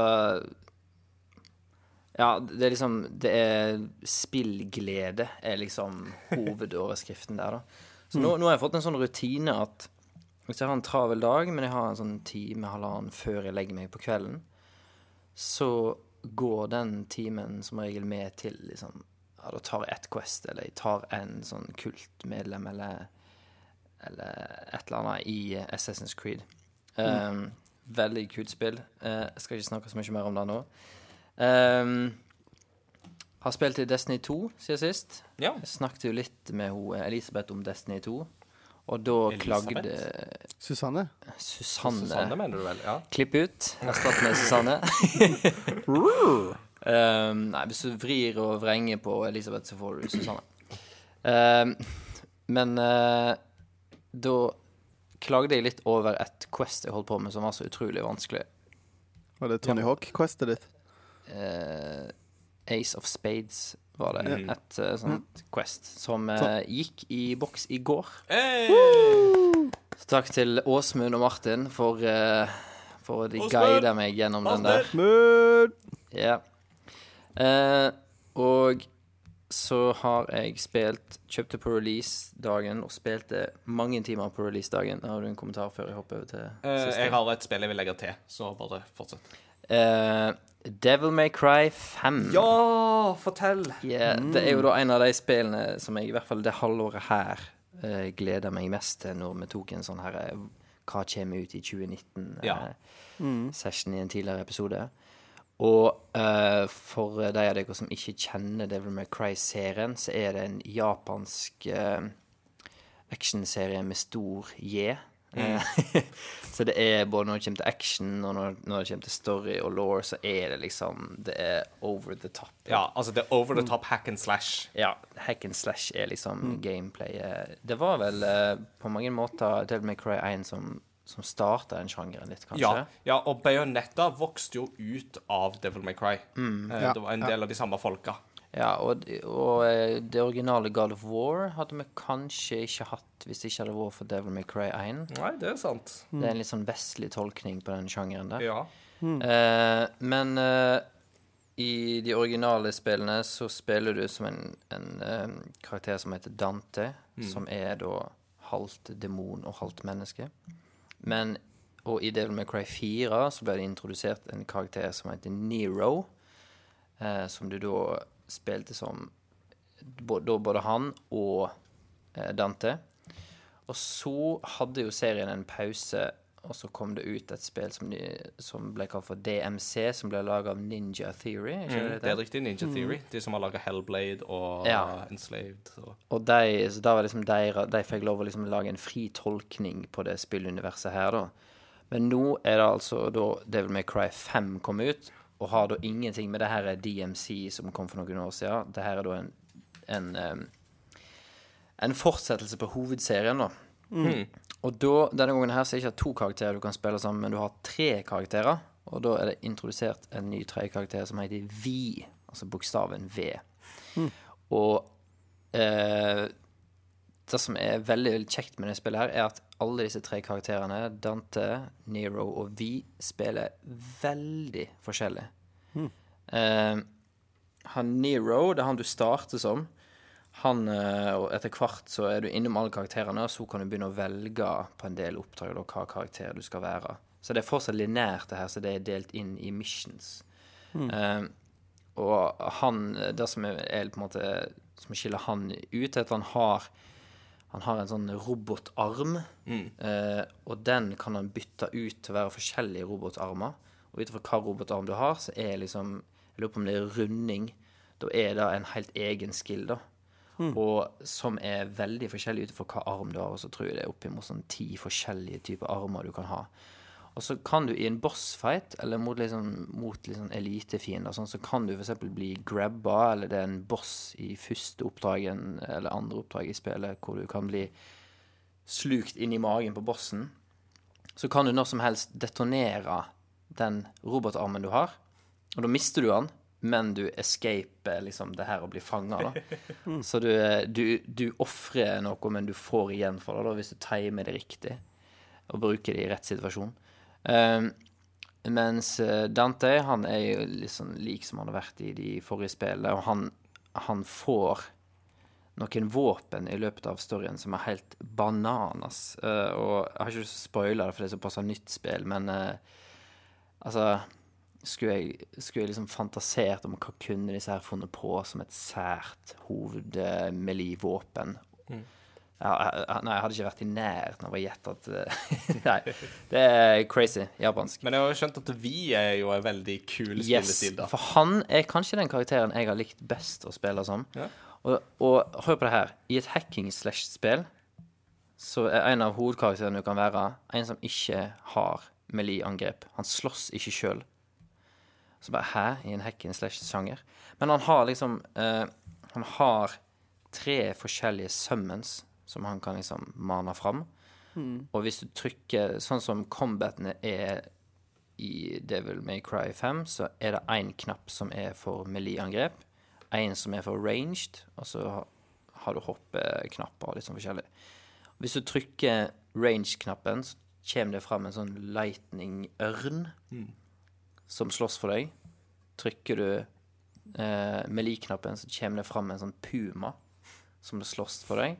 Og så har du en sånn tredje knapp, en sånn ultimate, og da, da Da detter det en meteor fra himmelen, og så er det en eh, sånn eh, golem som kommer ut, da.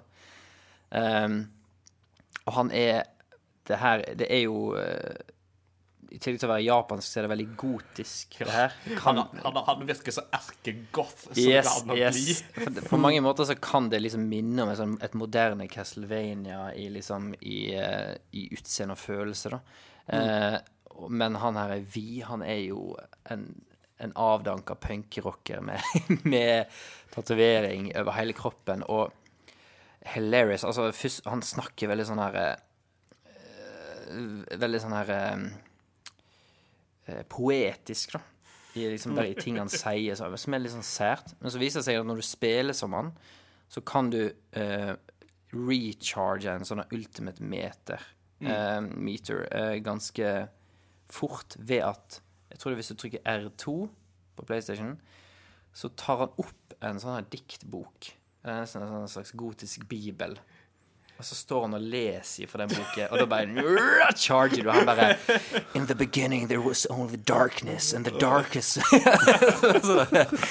Og så mens han leser, så kan du stå og teppe firkant og trekant for å få de andre summons å slåss for deg. Mens du bare Det er, det er så godt. Det er så Og da Og så kan du, du kan gå sakte da mens du leser den boken, men du kan ikke hoppe og dodge og, og springe og sånt, så det er sånn at det er risky. Men det er litt sånn risk and reward, eh, mye som går igjen i kampene her, da. Eh, og, eh, og det ser nydelig ut. Designmessig kan det være litt sånn repetitive omgivelser og, og litt vel trangt, kanskje. Men, men rent sånn teknisk så, så ser det jo fantastisk bra ut. Det, det bruker jo RE Engine, samme som Ja, Resident Evil 2 riktig, gjorde. riktig. Og, men uh, spesielt ansiktsanimasjoner ser kjempebra ut. Ja, de er bra i den motoren, altså. Så uh, jeg, jeg har ikke runda det ennå, eller kommet hjem med den storyen, men jeg er kanskje sånn 60-70% ferdig. Men uh, so far, so good, altså. Åh, jeg gleder meg til prøve det. Så eh, Ja. ja Tror ikke jeg har mer spill Nei. på Jeg kom på Det var ett spill jeg eh, må ta litt opp eh, før vi tar pause. Eh, så jeg skal være veldig veldig kjapp, for nå har vi holdt på litt for lenge. Men Mm. eh, jeg har jo spilt ferdig Anthem uh, siden sist. Ja. Det vil si, jeg har i hvert fall spilt ferdig story, det du kan kalle en story. Du har nådd endgamet. Ja. Eh, Anthem er jo mitt make or break for, i forholdet til BioWare. Eh, og dommen, den er tommel ned i moderne forstand. Eh, altså, det er jo i det gamle Det er jo faktisk en fun fact historisk som folk ikke vet, men altså hvis de på eh, gladiatorkamper viste tommel ned, så betydde det egentlig at du fikk leve, mens tommel opp var at du døde. Så har vi mistolka det. Eh, men Anthem klarer ikke å underholde i lengden. Det blir for likt. Det blir for mye av det samme. Det klarer ikke å få fram de tingene som BioWare er best på, på en god måte, med story, med law, med characters. Eh, altså, de styrkene som jo BioWare har Du merker konturene av det er der hele tida. Men det er ingenting Anthem gjør som jeg ikke føler at andre spill gjør bedre.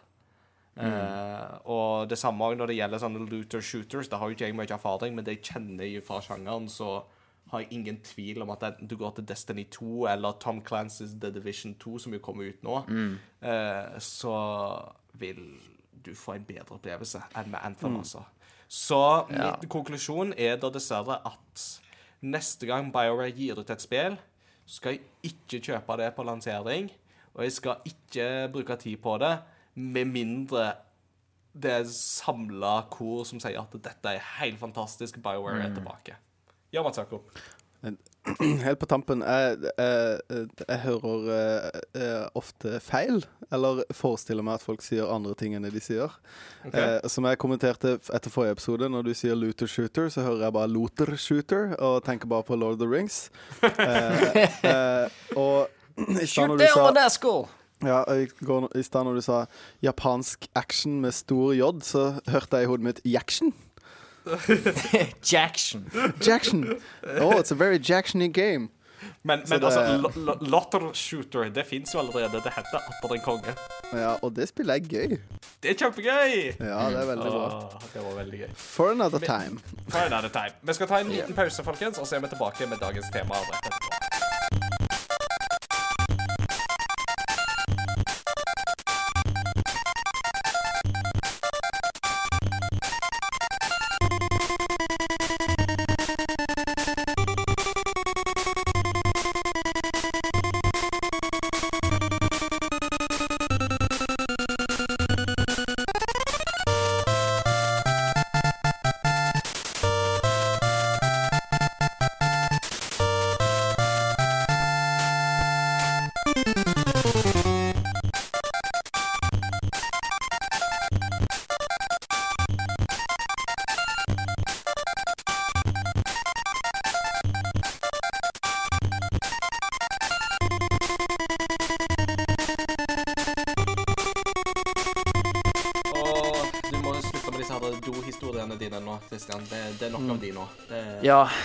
Vært elleve stykker i pausen her, men nå er jeg ferdig, tror jeg. ja, det, nå nå, nå fins ikke Nå har jeg tømt meg Oh.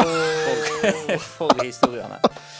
Stopp toget! Jeg vil av! Jeg vil av! OK, skal vi se Slipp På vegne av-! Kutt. Jeg skal bare markere på, kutt. på vegne av Crossover Gaming så vil jeg bare beklage hvis dette er din første episode. Eh, Michael condolences. Okuyami mochagimas.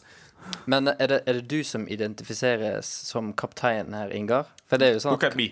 Look at me. I sånn, am the captain now. Det er sånn at kapteinen skal gå ned med det sunkne skipet. mens, eh, mens jeg og Jakob kan gå videre og starte en ny podkast. Nei, vi er, vi er strykekvartetten som bare slutter å spille. I play the tiniest violin in the world. Men vi er ikke her for å snakke om do-historier eller fioliner eller sånt, men vi skal snakke om dagens tema. Og i dag så vil vi eh, ta litt sånn spillhistorisk for oss og snakke litt om eh, håndholdte spill. Og håndholdte spillkonsoller. Eh, Mats Jakob, du er jo den store retroguruen iblant oss. Eller retropater, må det vel bli. Takk, eh, takk, For å holde oss i eh, på en måte en monastisk tradisjon her.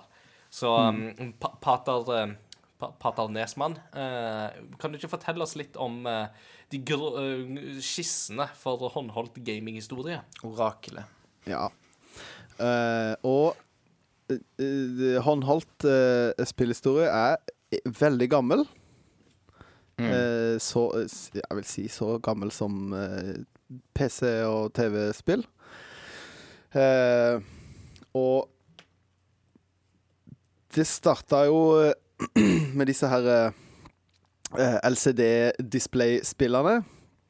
Og det mest kjente av de, kanskje for oss in, For meg, iallfall min generasjon. Jeg jo, eh, var jo ikke barn på 80-tallet. Jeg fikk med meg et halvt år av 80-tallet. Husker ikke så veldig mye.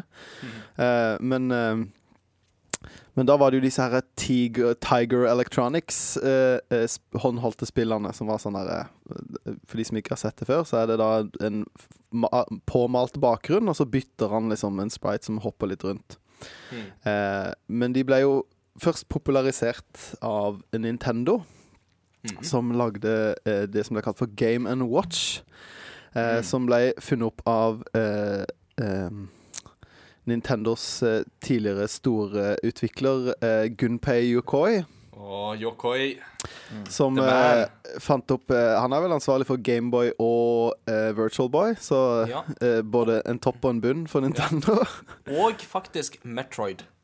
Ja. Så han hadde en finger i- med, i- med i mange spill.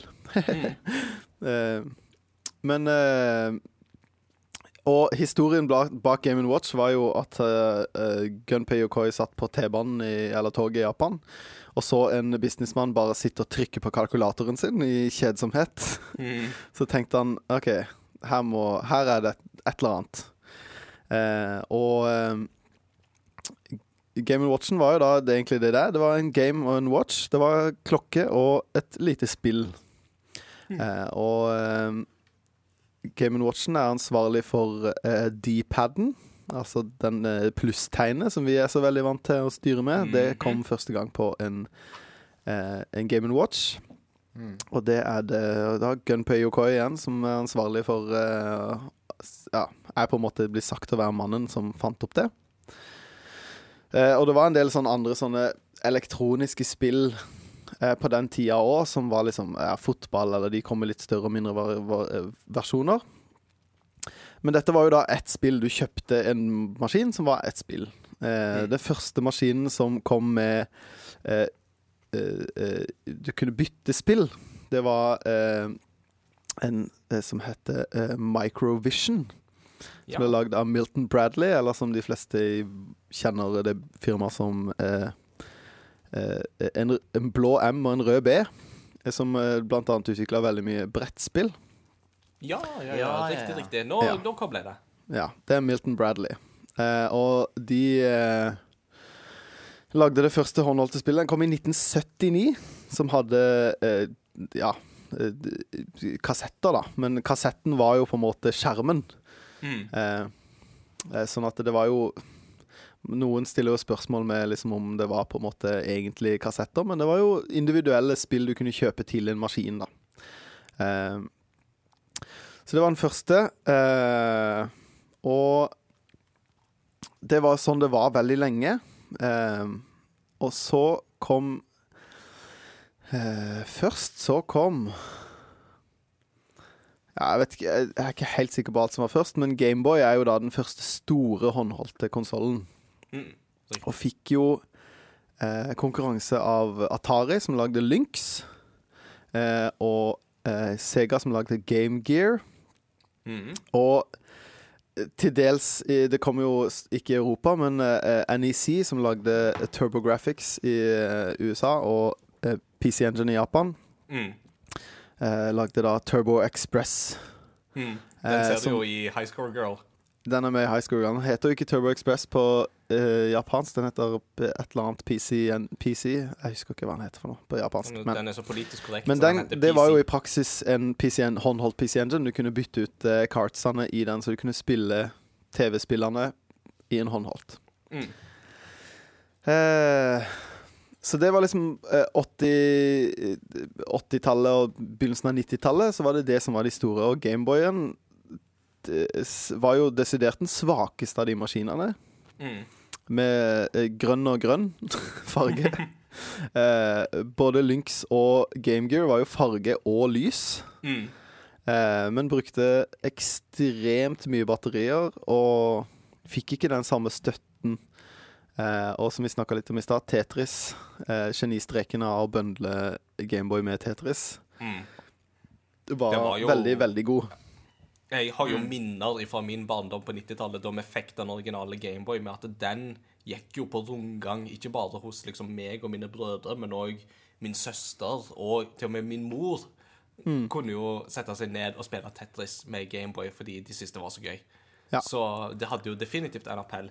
Eh, Og som en jo er inne på òg, batterikapasiteten på Game Gear og Lynx var jo forferdelig. Altså, særlig Game Gear husker jeg slukte jo dobbel A-batterier. Altså, de brukte vel seks A-batterier mot Gameboy sine fire. Og allikevel så slukte han de jo på kjempekort tid. Altså, hadde jo ikke batterilevekapasitet i det hele tatt. Og selvsagt, som du sier, den var sterkere, og dermed så krevde den mer òg. Men eh, når du er ute på reise, så vil du jo ha batterilevetid. Ja.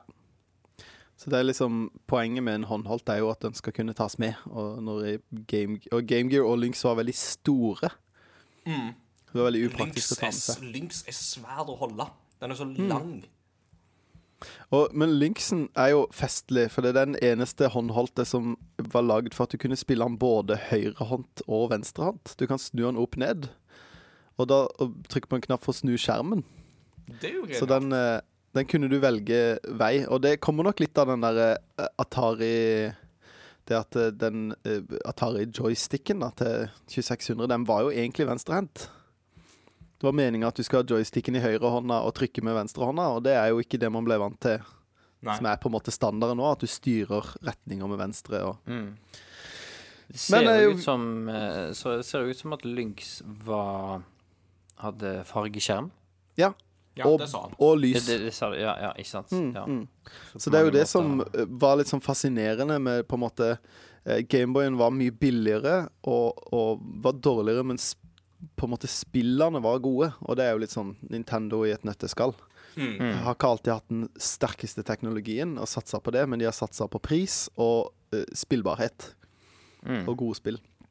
Mm. Så kom vi seint på 90-tallet. Da kom Gameboy Pocket, som var en mindre versjon av den eh, grå Gameboy-klossen. Gameboy Color kom, som var den første farge-Gameboyen, men fra likevel samme størrelse. Så de ble ikke så mye større, de skjermene. Nei. På samme tida så ga ut Sega ut sin Nomad, som var på en måte et svar på den Turbo Expressen. At du kunne spille Sega Mega Drive-spill håndholdt. Mm. Eh, slukte også batterier. eh, I Japan eh, og USA så kom eh, Neo Geo ut med sin Neo Geo Pocket.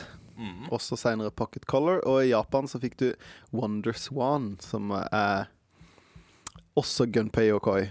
Når han forlot eh, Nintendo etter eh, Etter eh, Virtual Boy-fadesen, så Mm. samarbeida han med Jeg husker ikke hvilket firma det var. NSC var det vel som hadde Nei. Wonder Swan, tror jeg. Bandai var det. Bandai var det, ja. Riktig. riktig. Jeg har den Wonder Swan, men uh, Ja. Men, og det var jo eh, ikke så lenge etter det at Yokoi døde. Uh, Hmm. for Han døde jo på døra på slutten av 90-tallet. Han omkom vel i ei trafikkulykke, tror jeg. Ja. Uh, ble vel påkjørt på en fotgjengerovergang. Uh, Hmm. Og det er faktisk litt av grunnen òg til at uh, det sies at Shigeru Miyamoto, store head honcho-guru i Nintendo, som jo står bak mange av våre kjente og kjære titler, han får ikke lov å gå noen som helst plass. Han blir kjørt uansett hvor han skal. Ja. Vi er livredde for at han skal ta en Gunpei Yokoi og bli påkjørt og dø. Det stemmer. På den tida så kom også en håndholdt som jeg syns er utrolig fascinerende. Og det er en håndholdt som på papiret heter game.com, men som bare blir kalt for Gamecom. Oh. Eh, som eh, blei eh, Var skikkelig hypa. Og det ble utvikla annet et eh, eksklusivt Resident Evil-spill.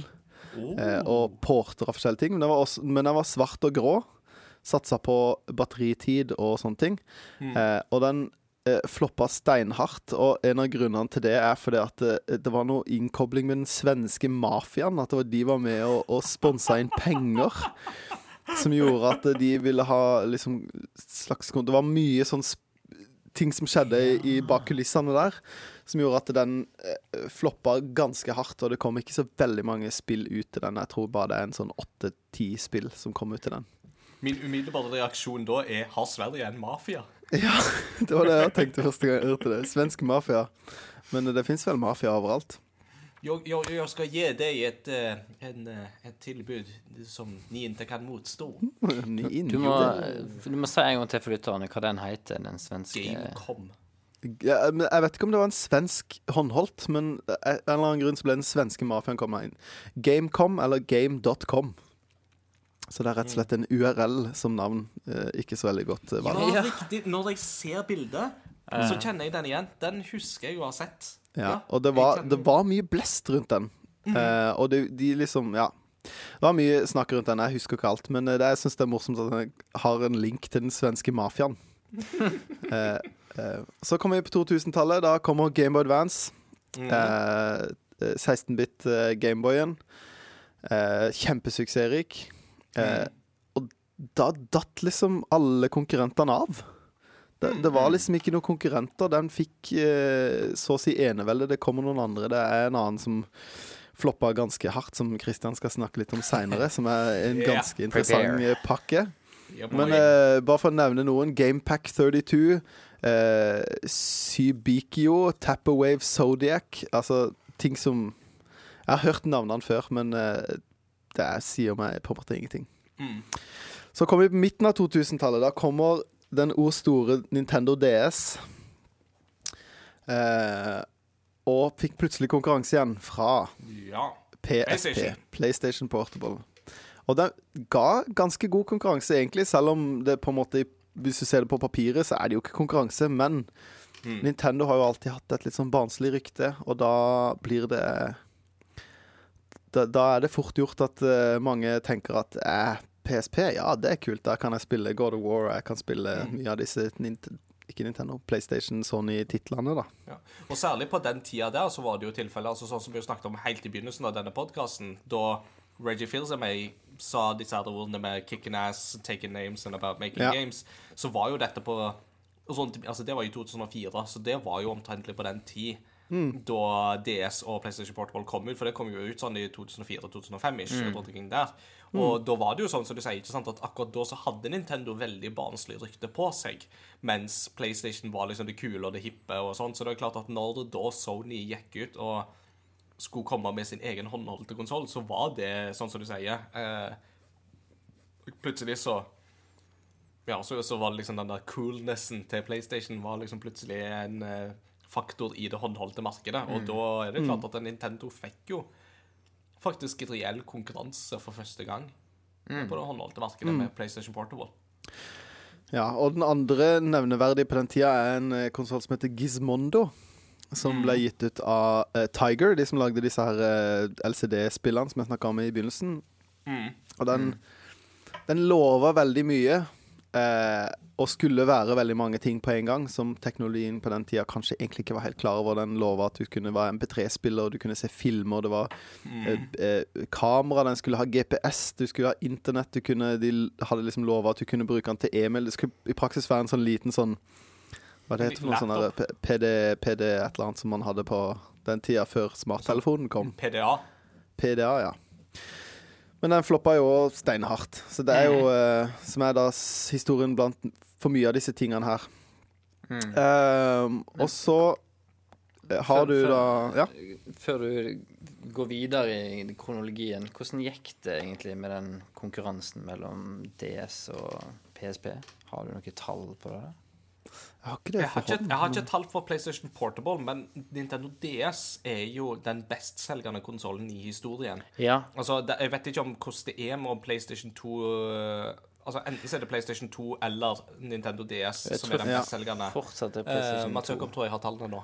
Ja, jeg har ikke tallene, men jeg, vet at eh, eh, hvis du regner DS og 3DS som én, Ja. så, så er den mer selgende enn PlayStation 2. Men eh, Mm. PlayStation 2 er den mest selgende på en måte enversjonsmaskinen. ja, Mm. riktig. Altså ikke en Og- upgrade. Mm. Nei, for, for jeg husker bare liksom i denne DS-tida så var det sånn vi, Uansett hvor du var, så så du kids som hadde DS.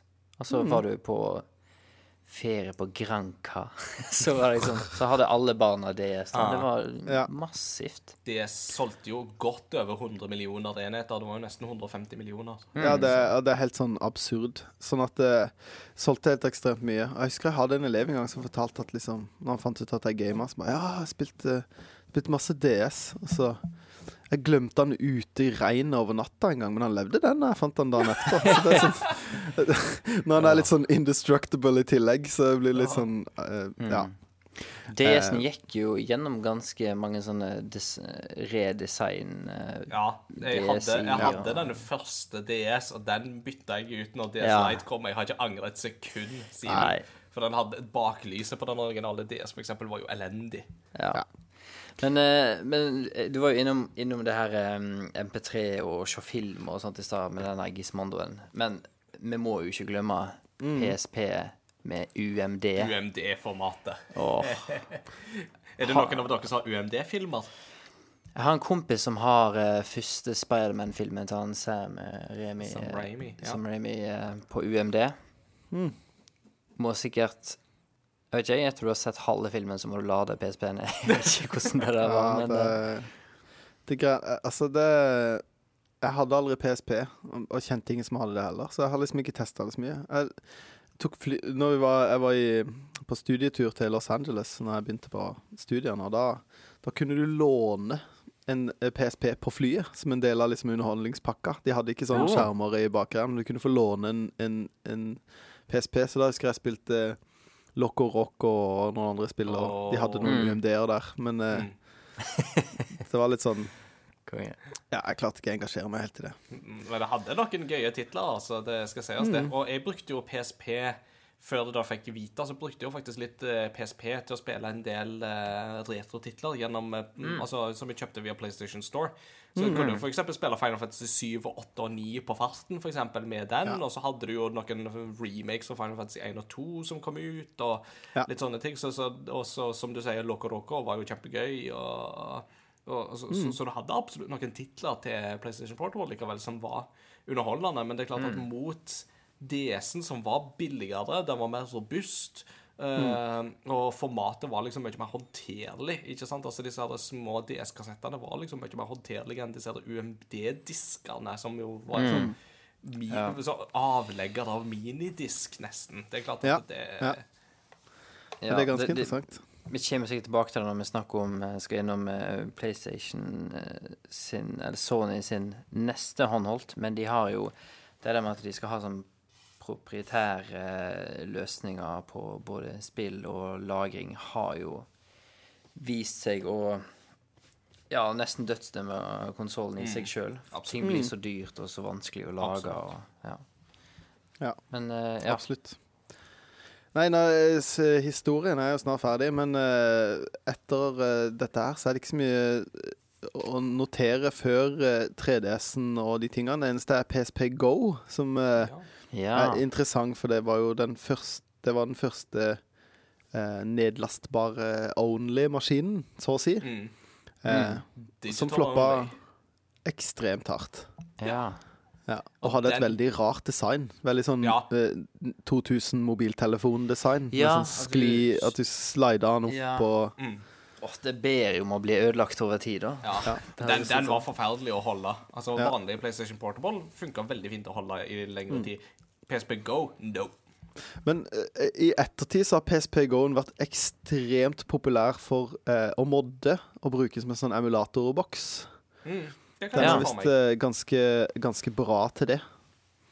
Litt sånn eh. som PlayStation Classic er, visstnok. Det var jo sånn, altså PlayStation Ja, så- Classic var jo nylig på salg for 400 kroner. Med tanke på at den kosta jo sånn 1300-1500 da den ble lansert i desember, så er det et vanvittig pris for oss. Eh, men de har jo sagt at det, det tok jo mindre enn ei uke for folk bare å oppdage det. Nei, den er kjempelett å modde, så da har jeg liksom modda den og lagt inn alt av PlayStation 1-spill på den. Ja. Nei, det er ganske fascinerende, det der. Men uh, Mm. Ja, så er det jo de som eh, De siste er jo 3DS, Vita, eh, Switch. Ja. Og så er det jo noen til som er nevnt her, sånn som f.eks. Nvidia Shield, som ikke tror jeg har vært så veldig, relevant for oss, men jeg tror det er mange barn eh, eh, som er født etter 2000, som har hatt en sånn. For det har vært en Mm. slags sånn blanding mellom en tablet og en sånn spillting da, Mm. som har vært veldig, har vært veldig vinkla mot barn, da. Ja. Og Mm. familier og foreldre, at dette er liksom Mm. trygt og greit å laste ned apper. jeg, jeg, husker, jeg husker jo det at eh, den har dukka opp i en episode av Modern Family, blant annet. Til og med. ja. Mm. Da sitter han Luke og spiller på en Nvidia Shield. Ja. Mm. Ifølge Nvidia sjøl så kjører jo eh, Switch på en eh, modda versjon av den samme innmaten Mm. Ja. som en Nvidia Shield. ja, det er jo Nvidia som har lagd det videokortet, iallfall til Mm. Eller chipen, blir det vel, da. Mer til Mm. Switch. Mm. Så det er egentlig det Det er egentlig, hva skal jeg si, historien. Det fins jo selvfølgelig eh, mer småtterier og eh, sånne ting, men eh, ja. Mm. Da er man spesielt interessert. Ja. Det, det er jo Det viser jo Den historien her viser jo litt at det er jo eh, Det har jo ikke vært eh, bare bare å komme inn på det markedet der. Nei. Og eh, det er vel bare én aktør som har klart seg, egentlig. Det er jo det. Altså, I alle fall sånn sett ifra dagens øye, så er det jo det. Altså, Sega gjorde jo et tappert forsøk, og det samme gjorde jo Sony eh, i sin tid, men eh, eh, Altså, Vita eh, Vi nevnte jo litt sånn så vidt dette her, eller du nevnte det jo så vidt i stad, ikke sant? Men altså, en av hovedgrunnene, tror jeg, til at Vita floppa, var Eller jeg tror nok det var to hovedgrunner til at Vita floppa.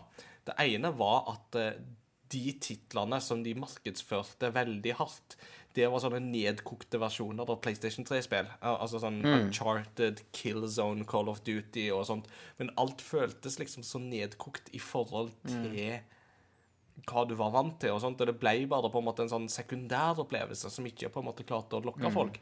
Spiller du ting som Persona 4, for eksempel, eller indie-spill, som jo Vita er helt fantastisk for, eh, eller noen av mine personlige favoritter, som jeg eh, kanskje skal snakke mer om etter hvert, men eh, Danganronpa-spillene, Ja. eh, altså japanske visual novel-spill, Mm. Vita er fantastisk for den type bruk der. Eh, men det, ikke, det var jo ikke det de satsa på, og det ble for nisje til at det ble lukrativt. Eh, den andre grunnen til at jeg tror at Vita floppa, var jo dette her med at eh, disse lagringsminnekortene til Vita var jo sånne sær... eh, altså De var jo sånne særegne. Du måtte kjøpe Ja. sånne egne minnekort. Du kunne ikke Ja. bruke vanlige SD-kort, sånn som du kan på en 3DS, for eksempel. Du måtte bruke sånne egne Sony-kort, og de er spinndyre utenfor Japan. Altså, Er du i Japan, så kan du få de til en billig og grei penge, eller rimelig grei penge, eh, kan jeg, kan du si. Utenfor Japan så er det ikke sjans å få de til en billig penge. Det blir for dyrt, altså. Ja, det, de sier jo sjøl at det var for å beskytte seg mot piratkopiering og ja At Ja. de skulle kunne tjene litt på den maskinen her, men eh, de skjøt seg vel sjøl litt i foten der. De gjorde nok det, dessverre, altså. Så det var Jeg hadde en uh, Vita en periode, men da uh, brukte han Jeg brukte han Jeg streama da PlayStation 4 til Vitaen, Ja. Og så lå jeg i seng og spilte Destiny. Hvordan, eh, funka det? Det funka, det funka bedre enn den remote play-funksjonen som du kan eh, bruke på nå, eh, som nett har kommet til telefoner, faktisk, og, og tablets og sånn, men eh, som du lenge har hatt på, på både Windows-maskiner og Mac-maskiner. Så det funker overraskende greit, egentlig. Men eh, Men eh, jeg endte jo opp med å selge den igjen, da. Det, jeg tror alle utenom Ingar som jeg kjenner som har hatt den, har solgt den. Ja. Men uh, en ting vi ikke har nevnt, det er jo ikke håndholdt, men uh, i den sammenhengen så må vi jo nesten nevne PlayStation TV. Ja, Som ja, var da en Vita til TV-en. Et siste desperat forsøk på å prøve å få liv rundt Vita-spill. Men det er litt sånn Det er nesten sånn at det er en ting jeg kunne vurdert å kjøpe nå. Mm.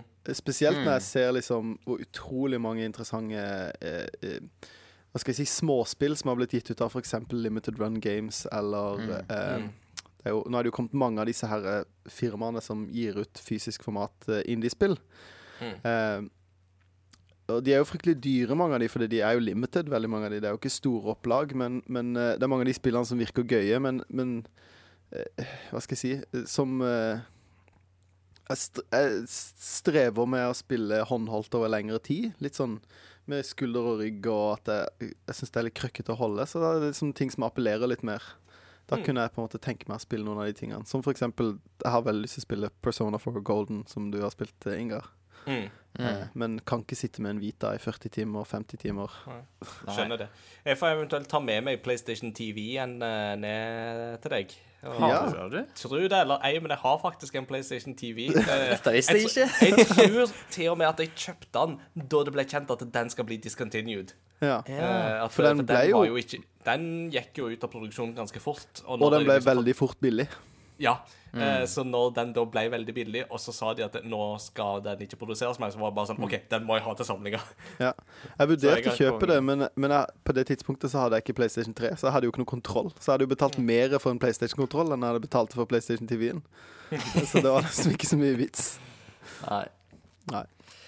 Men hvis vi da Ja, tusen takk, forresten, Ja. for eh, den korte og gode introduksjonen. Beklager at det bare bryter så masse, men eh, det er jo god. interessante ting her og sånt.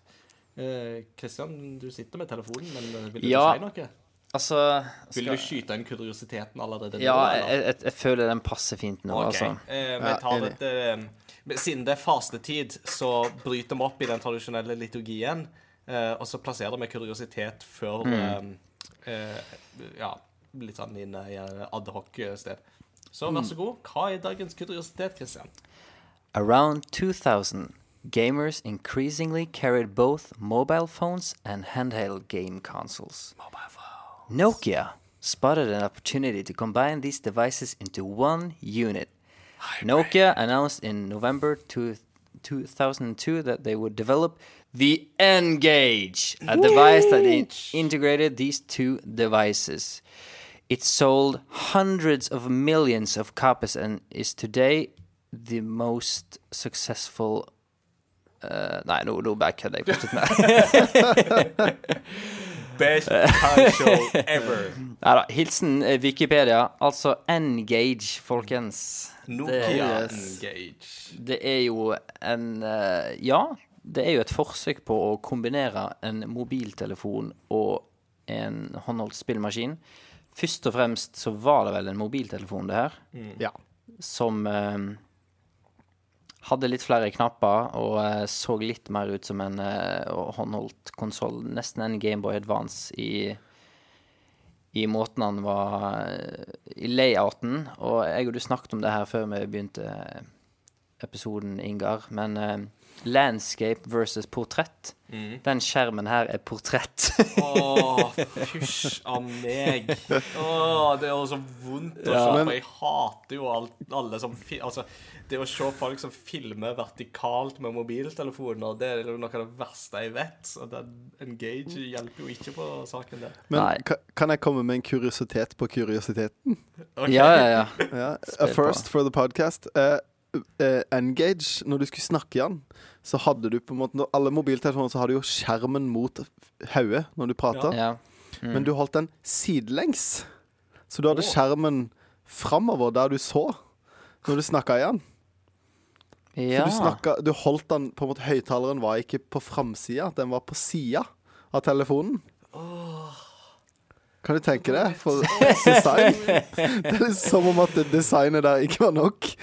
Så var det litt sånn Speaking of design, det, det kom en sånn redesign av Engage året etterpå, altså i 2003, men så egentlig veldig, veldig lik ut. Men det står i hvert fall her at The original Engage was described as resembling a taco, which led to its mocking nickname Taco Phone.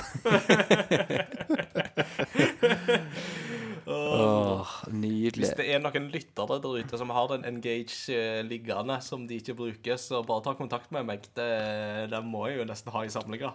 Ja. Og så sto det vel at, eh, at Nokia hadde håpet å klare å selge seks millioner units på tre-fire år, men de solgte Faktisk solgte de tre millioner units. Solgte de så masse som tre millioner Ja, men det har nok veldig masse å si at det er en mobiltelefon. Det er klart. Så folk skulle sikkert ha sin mobiltelefon og spørre kan jeg spille på den her. Ja, OK, nei, men da tar jeg den. Jeg tror Men- ingen kjøpte den. Jeg husker jeg så den i sånn telekiosken på by bystasjonen i Bergen og sånt. Så jeg, Jeg hadde jo dødslyst på en da han kom, for det virka jo så tøft. Og, men eh, den største sånn designfeilen til Engagen sånn spillmessig, eh, var jo at, eh, at eh, eh, Hva skal jeg si eh, Kassettslotten, eller cartridge-slotten på den her, var bak batteriet ved siden av SIM-kortet. Så for å bytte spill, så måtte du ta ut batteriet. Så du på en måte måtte restarte telefonen for å bytte spill. Og det er da du merker at det er, her er designa av folk som designer telefoner, og ikke spillmaskiner. For dette, de har jo bare tenkt at det er en ting som skal stå i. At ikke man har tenkt å bruke den sånn At de har på en måte tenkt at det er sånn Å, du kan ha et skikkelig fet mobilspill på telefonen din. Som du på en måte velger. Dette er det spillet jeg har i telefonen min nå. Ikke at du skal kunne på en måte sitte på flyet og bytte litt spill.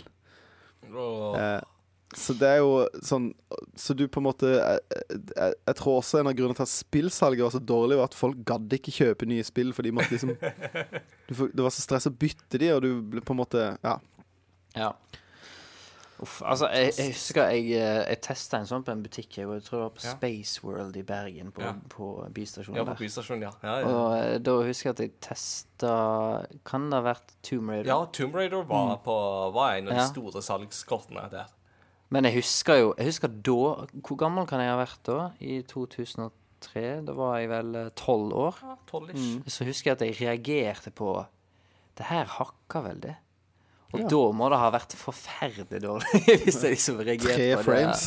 Ja, bare Det er et eller annet rart der med Hvis, hvis, jeg får tak, i- en Engage, så får vi heller lage en Let's Play-video. Ja. Men det, det skal jo sies, da, det er jo, som jeg sa til dere i stad, det er jo et eksklusivt Elder Scrolls-spill til Engage.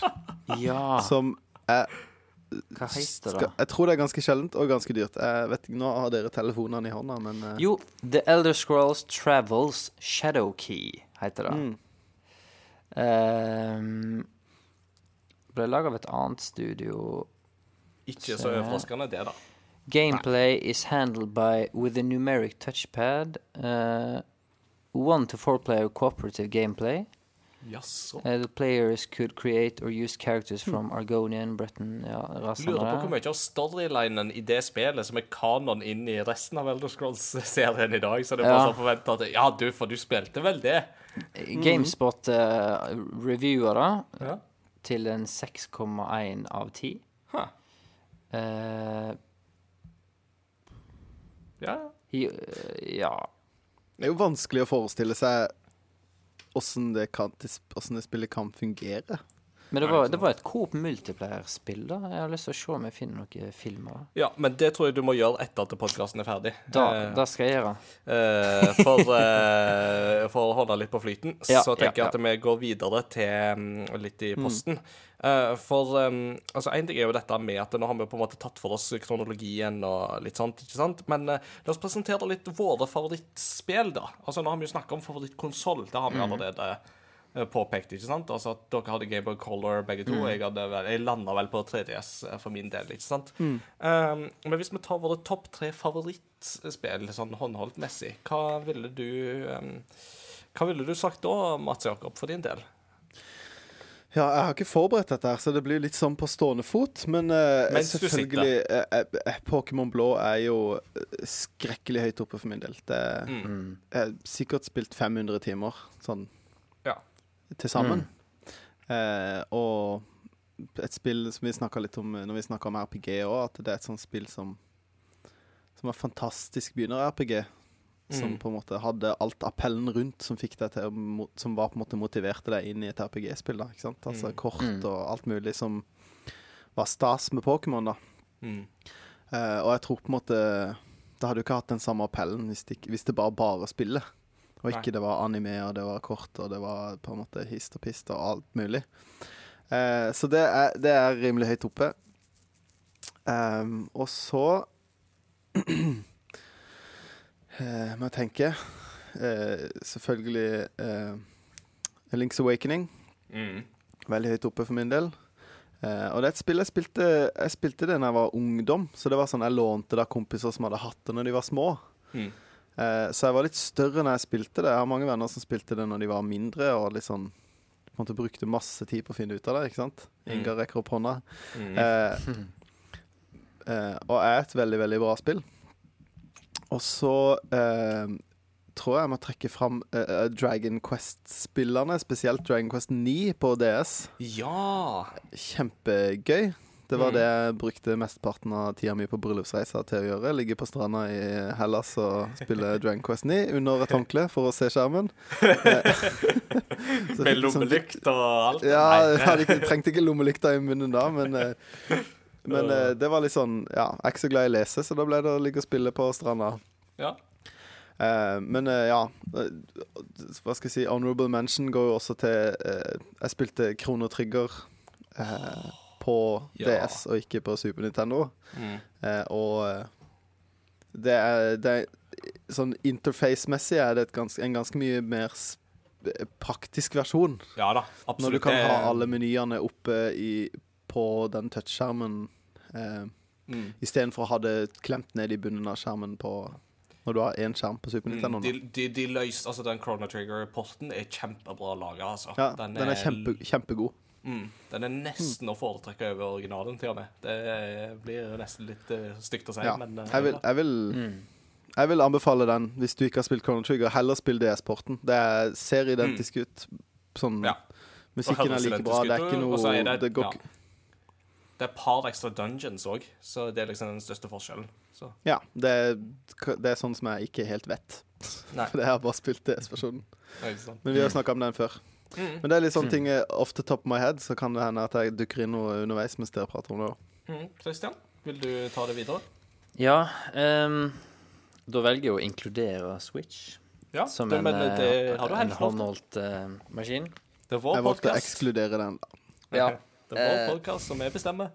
Eh, og i ingen uh, Ja, det her blir topp tre, og hva som er første, andre, tredje, det har ikke jeg tenkt på. Men ehm, eh, Pokémon Silver Mm. Det var det første håndholdte spillet jeg hadde ever. Fikk det sammen med, med min Gameboy Color. Samme som deg, Mats Jakob. Sikkert Ja, bare eh, ganske blå. mange hundre timer der. Um, Ja. har ikke tallet på hvor mange ganger jeg begynte på nytt og testa andre Pokémons. Um, og mitt Det er ikke det første møtet, for jeg hadde aldri Gameboy Advance sjøl, men det her er ikke første møte med den konsollen, men det er et av de mest sånn wow-møtene med den konsollen. Og det er Golden Sun Ja. til Gameboy Advance. Da husker jeg var helt sånn Wow, det her er så sjukt fett, og det ser amazing ut. um, og i nyere tid så må jeg jo nesten si um, Breath of the Wild. ja. Ja. Gode Jeg, jeg er enig, så lenge hvis jeg hadde spilt det håndholdt ja, for du hadde det jo på Wii U det, først. først. Ja. Jeg har jo spilt det på Switch òg, men uh, bare på TV-en. Min tur, da. Yeah. Mm. Uh, nå har Christian tatt eh, det ene spillet som jeg ville ha, for jeg skulle òg nevne Golden Sun. Uh, Ja. Konge. uh, jeg, jeg har Når jeg fikk liksom spørsmål om dette i dag, eh, så måtte jeg liksom bare tenke litt sånn kjapt igjennom og trekke Prøve å trekke litt ut av hatten. Og så har jeg vært litt sånn småforkjøla i dag òg, så har, hodet har ikke vært helt på plass. Men mm. uh, jeg valgte å liksom prøve å liksom utfordre meg sjøl litt. Altså ekskludere Pokémon og ekskludere Zelda. Det er liksom sånn Og ja, for så vidt òg Mario, eventuelle Mario-spill. Eh, liksom Prøve å på en måte ekskludere de litt, grann, fordi at det er litt sånn Pokémon vil man snakke om uansett, og det er litt sånn given at det har du brukt mye tid på hvis du har hatt en håndholdt eh, Nintendo-maskin. Um, men hvis jeg skal liksom trekke fram tre håndholdte spill som er på en måte har vært veldig sånn game changers for meg, da, så vil jeg da først si Golden Sun til Game Boy Advance. Eh, Golden Sun introduserte meg for japanske rollespill sånn utover Pokémon. Eh, og er derfor kjempeviktig for meg sånn rent personlig. F- lenge før jeg spilte Final Fantasy, lenge før jeg spilte Chrono Trigger, lenge før jeg spilte noe annet uh, japansk rollespill, så var det Golden Sun som var min inngangsport eh, til det. Ja. Fortsatt kjempebra spill, fortsatt kjempebra soundtrack. Uh, og det um, Spillmekanikken og sånt, veldig kul og gøyal og veldig stilig, altså. Det andre jeg vil trekke fram, det òg er på Game Boy Advance. Jeg brukte mye tid på Game Boy Advance uh, da den kom ut, før jeg var tenåring da den var ute. Um, og det andre spillet jeg da vil trekke fram, det er Fire Emblem. Altså det som bare heter Fire Emblem på Game Boy Advance i Ja. Vesten. Det heter vel Rikkan og Ken i Japan som undertittel Blazing Sword. eh, sånn fritt oversatt. Det var jo det første Fire Emblem-spillet vi fikk her i Vesten. Ja. Og Fire Emblem-figurene kjente jeg jo fra Martha Roy fra Super Smash Bros. Millie. Mm. Uh, men jeg kjente jo ikke noe mer til det universet. Men jeg likte de figurene og var liksom veldig nysgjerrig på den serien. Og så leste jeg vg.no, hadde den tida de fortsatt anmeldte spill. um, så hadde de en anmeldelse av eh, Fire Emblem da det kom ut, uh, og det ga de kjempegode karakterer. og sånt, og jeg var bare sånn, åh, det skal jeg prøve. Eh, Så kjøpte jeg det, og så var jeg på korttidsutveksling i USA akkurat også den høsten, husker jeg. Og jeg husker jo fortsatt fra den turen at jeg spilte Fire Emblem til sene nattekvelder. og sånt. Da kan det faktisk hende at jeg hadde lommelykt og alt, altså. Eller i alle fall hadde på en måte en nattbordslampe som sto på. Satt, holdt på ganske lenge å spille det. Og så er det tredje spill. Her var jeg veldig i tvil om hva jeg skulle trekke fram. Hadde flere alternativ. Jeg nevnte jo Danganronpa tidligere. Jeg kunne nevnt Valkyria Chronicles 3, som jeg jo staver meg igjennom japansken det jeg kan. eh, Så godt jeg kunne på PlayStation Portable.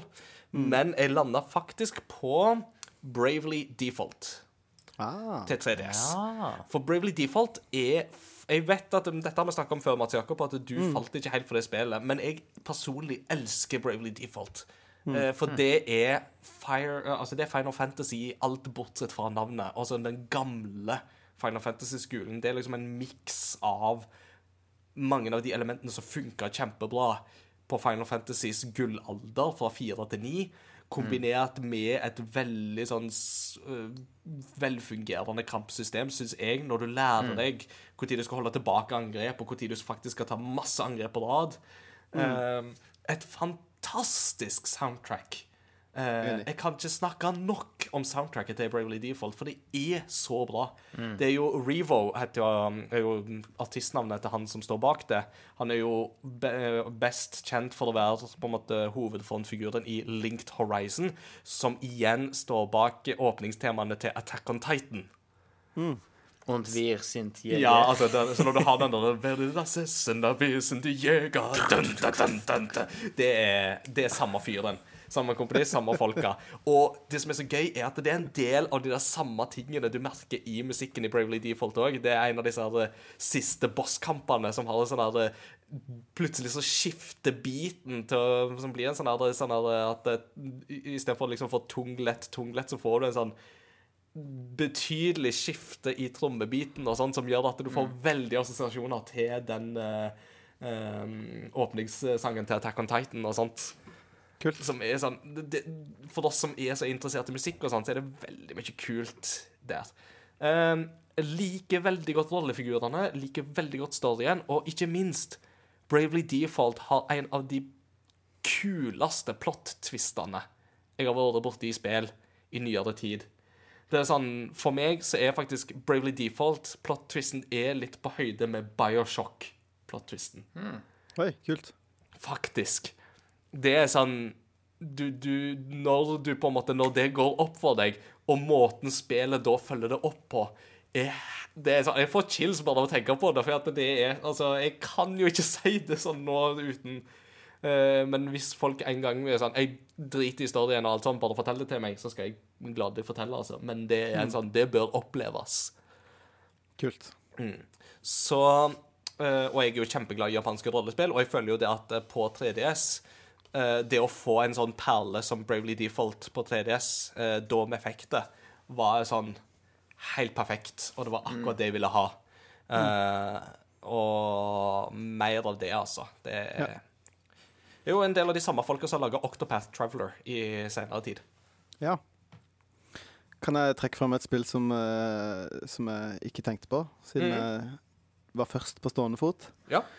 Uh, et, og game, spilte original Gameboys, men spilte veldig mye, eh, det som det, det heter bare Donkey Kong.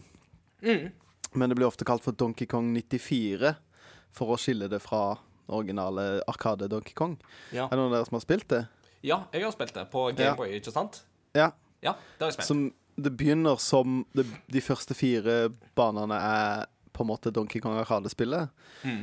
Når du er ferdig med det, så um, Hvis det er noen som har spilt eh, de Mario versus Donkey Kong-spillene, så er Mhm. det på en måte Dette er på en måte det første spillet i den Ja, sjangeren, da. Riktig. Hvor det er liksom en som du skal komme deg fra A til B i en bane, og så eh, må du plukke med deg en nøkkel Mm. Og ta med den til døra for å låse opp døra. Stemmer. Og så er det masse sånn hindre å, å få til, og så etter hvert så er det nye elementer som blir lagt inn i spillet. Og det er et fantastisk bra puslespill. Og eh, det blir ti ganger bedre hvis du spiller det på en Super Gameboy. Ja. For det er et av de Gameboy-spillene som var på en måte lagd for Super Gameboy. Mm. Så det har egne sånn custom borders, sånn at det ser uh, ut Det har farger. Altså ikke bare sånn Å, her blir det rødt og svart, men det har farger. Mm. Så det er en sånn ordentlig sånn enhansa versjon av spillet i Super Gameboyen, da. Speaking of which, jeg har vel akkurat kjøpt meg en Super Gameboy jeg av min fetter. Jeg må bare finne ut hvor jeg la den. Ja. Så Så det, det er også veldig gøy. Så kult. Vi skal gå inn mot en avslutning, men før vi går så langt altså Nå har vi snakka mye om fortid, og vi har jo snakka litt om nåtid. Men hvis vi snakker litt framtid, da, snakker håndholdt gaming framover, er det noe plass for det lenger? Altså, Hvis jeg skal skyte inn mine tanker, da, så tenker jeg jo det at eh, vi har jo snakka fryktelig litt om mobilspill eh, og tabletspill. Fysj a meg. Og, altså, ja, vi kan si fysj, for det finnes veldig mye søppel der ute. Men det er klart Men um, altså, det er jo ikke til å komme vekk fra at både 3DS og Vita eh, sleit nok litt med salget pga. framveksten av mobilspillene eh, i sin helhet. ikke sant? Altså Bare tenk på Angry Birds-suksessen, ikke sant? Ja. Eh, Og sånn som ståa er nå i dag, så er det jo på en måte Det er to alternativ. Det er Switch, eh, eller du kan gå retro. Mm. Hvis vi da teller med 3DS og Vita som retro. Da. Du kan gå retro, du kan gå Switch, du kan gå mobil, eller du kan vente på Stadia og for så vidt spille det på en mobil eller en tablet når det kommer. Eh, men sånn som vi på en måte husker håndholdt gaming, da, er det noe framtid for det nå framover? Jeg, fø- jeg følte den, den, det spørsmålet der ble stilt før Switch kom. Mm. Eh, at, eh, at At 3DS kommer til å være den siste håndholdte. For at det er jo ikke plass til PS Vita har vist at det er jo ikke det er liksom Nå, nå har mobil tatt over. da. Og så var det, var det mange som ble utrolig overraska når Switch solgte så utrolig bra, og fortsatt selger kjempebra.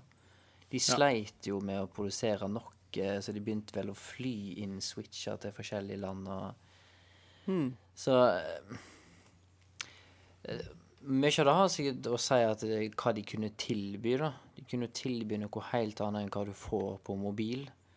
Altså et fullblods Zelda-spill til release som du kan ta med deg i hånda. Og eh, ser bedre ut enn den Wii U-en du har kobla opp til TV-en hjemme. Var litt sånn Ja, det var litt heftig, da. Men, men så føler jeg òg at, at det, det er ikke nødvendig at nødvendigvis at en konkurrerer om det samme publikummet. Nei. For mobilspillpublikummet er alle i hele verden. Og ikke nødvendigvis de som identifiserer seg som gamere, kanskje. Ikke sant? Ja. Jeg tror jo at uh, et, det, altså, Nintendo har jo dominert det markedet siden 90-tallet. Ja. Så de har jo da nå snart i 30 år vært liksom et powerhouse innenfor håndholdt. Og jeg tror ikke det er på en måte Det er jo ikke tilfeldig at Nintendo har lagd en håndholdt hjemmekonsoll-hybrid. Nei. Eh, De har jo på en måte fusjonert de to tingene de er bra på, inn i én ting. Mm. Og jeg tror ikke det er noe Nintendo kommer til å gi slipp på. Så jeg tror ikke liksom neste Nintendo-konsollen er enten bare håndholdt eller bare hjemme. Nei. Eh, jeg tror nok det vil fortsette litt på den pakka der. Og som du sier, eh, jeg, jeg tror på en måte ikke Uansett hvor bra Stadia blir, da, så, så tar du ikke med deg den Stadia-kontrollen på bussen og sitter og spiller Assassin's Creed med en kontroll eh, på mobilen din på bussen. Og, du, eh, og et touch interface i forhold til å kontrollere vil aldri kunne erstatte eh, Uansett hvor gode eh, tolvåringene blir til å spille Fortnite på iPad, så, Mm.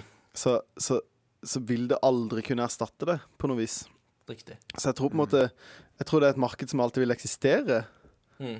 Og kanskje da eh, utelukkende fordi Nintendo bærer det markedet og ønsker å ha det der. Ja. Eh, og fordi vi, vi som er gamere, da, eller som på en måte ønsker en større opplevelse da, med det, og bedre følelse, kommer alltid til å ønske det framfor noe annet. Eh, og det er eh, Ja, du sa liksom banalt i stad med, med Angry Birds, men det er jo utrolig stor forskjell på Angry Birds og Breath of the Wild. Det kan Det ikke, Spilleopplevelsene kan ikke sammenlignes. Mm. What? Mm. Uh, Inga? min tanke der er jo at ehm, Jeg tror du er litt inne på det, så du sier ikke sant at det er en spiller på forskjellige segmenter i markedet eh, og når forskjellige typer publikum og, og sånt. Litt sånn som at uh, Apex Legends tapper ikke nødvendigvis så mye ut av Fortnite-publikummet, så mye som at det tapper heller mer i på en måte de som aldri spiller Fortnite, eh, for eksempel. Ikke sant? Um, jeg, jeg ser jo for meg det at um, kan Nintendo satse på noe som er på en måte mer rent håndholdt igjen? Um, I teorien så tror jeg at de kan det. Um, Ja, Switch har på en måte spist mye av det markedet der, og jeg tror jo det at uh, Switch eh, har jo vært en game changer, sånn virkelig, altså. Men samtidig så tenker jeg òg det at det er de foreldre som ikke tør å la fire, fem, seksåringen sin slippe løs på en uh, konsoll til 3500 med en veldig stor skjerm som er lett å ripe opp og ødelegge, men en liten 2DS uh, for, som du får for litt under tusenlappen, det er liksom litt mer håndterlig og trygt og ikke så stort tap hvis det skulle skje noe. Ja. Og sånn sett da, så tenker jeg det at hvis man f.eks. kommer med en mini-switch av et eller annet slag, så vær så god. Nei, for, for da, da er det jo rykter at Nintendo holder på med at, at Det er ikke, ikke en ny 2DS, 3DS-aktig, men en, en nedskalert Switch som, som eh, er kun håndholdt. Og det kan jo skje i teorien, tenker jeg. Mm. Uh, så i, jeg tror, altså, som du sier, ikke sant, altså håndholdtmarkedet vil alltid være litt til stede, fordi at det er jo særlig når vi er ute på reise at vi ønsker å la oss underholde, og det er ikke alltid det passer å ha med seg en Switch. Eh, Så det gjenstår å se, da. Ja. Jeg tror det blir utrolig vanskelig for Nintendo å gå tilbake til å lage en håndholdt som du ikke kan bruke hjemme. Nei, ikke sant? Eh, Det tror jeg kan bli veldig vanskelig. Og det var veldig mange som spådde tidlig i Wii U-en Eller re- før Wii U-en kom, og når Wii U-en kom, at de spådde at det på et eller annet måte, en eller annen måte ville bli mulig å spille DS-spill. Mm. Eh, Litt sånn som eh, med en slags sånn Gameboy Game Boy Advance Player til GameCuben-aktig greie, at det ville være mulig å få eh, plugga de, og det var mange som syntes at det var en sånn en stor mulighet som de glapp, da. Eh, Og jeg tror kanskje Wii U hadde kanskje solgt bedre hvis det var mulig å spille DS-spill på Switchen. Mm. Nei, på uh, Wii U-en. Eh, som sikkert eh, er vanskelig å få til, men, men eh, eh, Ja, jeg tror det er vanskelig for Nintendo å gi slipp på den når de har skapt en, hva skal jeg si, det monsteret de har skapt i Switchen, da, og, og på en måte skulle gå tilbake på det. Uten å ha en, en hjemmeerstatter som er god nok til at det rettferdiggjør å ha e- separate maskiner igjen. da. Riktig, riktig. Nei, jeg, jeg, tror at uh, At eh, det Switchen har vist, er at eh, det er ikke så lett å lese det markedet der. Nei, mm. ikke sant? folk trodde jo som sagt at liksom Nei, nei, nei, altså Det er ikke vits å prøve seg på mobilt nå, liksom. Ja, jo, men altså, og det er Altså- bare at folk liksom påsto at Nintendo var ferdige etter Ja. Wii U, liksom at Wii U var en flopp. Men det var sånn Men igjen, altså, de, de fikk eh, snudd det om, altså. Så Men Wii U-en Nintendo kunne jo vært ferdig hvis ikke de hadde hatt 3DS-en å leve på. ja da. 3DS-en bar de jo gjennom den vonde tida med WiiU-en. Mm. Og det er jo Sånn litt, ja.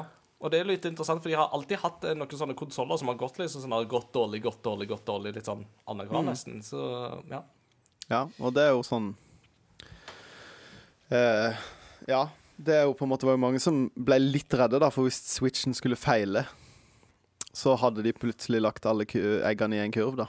Mm, ikke sant. Men eh, jeg tror det var både riktig og viktig. Så blir det spennende å se hvor veien går framover. Men altså, Switch overraska oss alle eh, da den kom, og jeg tror at sånne ting kan alltid skje. Det er, for det er jo så vanskelig å forutse, ikke sant. Men eh, Ja, ja. det blir jo litt så spennende å se hvor det segmentet ligger framover. Jeg tror ikke det er der vi vil se de største endringene med det første. Det Nei. Og så tilbake til det her med, med Google Stadia, som da på mange måter tar mobilspilling opp et, eh, et helt annet nivå, Det gjør det jo. så, så kan på en måte da være en, en litt farlig konkurrent. Men, men jeg tror fortsatt vi er mange år for tidlig til at det digitale og live-aspektet klarer å ta over for det lokale. Hvis, hvis du skjønner hva jeg mener nå? Altså Ja, ja, ja. At, at da at du har noe, en maskinvare som kjører ting live direkte, eller eh, lokalt direkte foran deg, og du får en mye mindre input-lag og latency og alle disse tingene her. Eller til situasjoner tog, f.eks. NSB. Alle vet at det er, det er umulig å få både mobilnett, verken mobilnett eller internett på NSB sine tog. Men tror ikke det blir bedre nå når de har skiftet navn, da, til Vy? Jo, selvfølgelig. selvfølgelig. og, og da uh, har du investert masse penger i et årsabonnement og masse spill på Google Stadia, så var jo da trist på en måte når du skulle ta den åtte timers togturen. Så flekker du opp 3DS-en din i stedet, og så spiller Ja. du den. Så jeg, jeg tror på en måte Jeg, jeg tror det er Jeg tror det, det er tidsnok Teknologien er der til at det kan bli bra og funke, men, eh, men ikke til at det kan erstatte det. Mm. Nei, ikke sant. Ja. Tenker jeg. Absolutt. Skal vi si at det blir, konklu- Fasiten. skal vi si at det blir konklusjonen, da? Ja. Ja. Men du, du har hørt at politiet òg skal bytte navn, sant? Til hva da? Til Fy. Til Fy, ja. ja. Med den tørre pappavitsen fra tobarnspappaen i Kristiansand, så tror jeg vi går eh, mot denne avslutning. Vi skal ha et postludium, men har vi blitt enige om hvem som skal ha det? Nei, Nei? Nei. det har vi ikke, men uh, Jeg har en på Jeg kan liksom dra ut av ermet. Ja, jeg, jeg bare føler det er ufattelig lenge siden jeg har hatt et postludium. Ja, det er og, det, men, Og eh, jeg lurer på om jeg skal dra ut av eh, meg sjøl eh, remixen av eh, Devil May Cry-teamet, Ja. som da er brukt i Devil May Cry 5. ja. Ja. Nei, men, Jeg eh, frykta en dovits der når du skulle dra ut noe, men oh. I'm so sorry, man. Yes, uh, you should apologize for this. Now you must play four games for the next time. Hadde en follow-up, men den kommer etter vi har trykt på stopp-knappen. her. Det er grei, vet du. Med det så takker vi for følget. Hvis dere ikke har likt oss på Facebook ennå, så håper vi at dere vil gjøre det. Vi er Ja, også på Instagram. oss så- 200 likes, Vi nærmer oss 200. Folkens, hvis dere vi, eh, På enn så lenge så er vi avhengig av deres hjelp for å vokse og nå ut til enda flere. Så vi håper at hvis dere liker det dere hører på, eller tenker at dette her er det noen jeg kjenner som uh, vil ha interesse av, så pitch oss til de. Få de til å like Facebook-sida vår og Instagram-sida vår. Mats Jakob skal eh, pushe den enda mer fra, fra nå av. Sikkert. Ja. Eh, Sier, sier han eh, i eh, redaksjonen, som ikke er på Instagram. Så ja, det er bare å beklage, men uh, kameraet på telefonen min er ødelagt, så det er liksom alle bildene jeg legger ut, må være liksom uh, eh, Ah. Selfie! sånn- Selfie! Ja, må ha sånn, må ha sånn Getty Images-vannmerke på seg for at uh, vi skal kunne legge det ut. Det vet jeg om jeg tør. Riktig, riktig.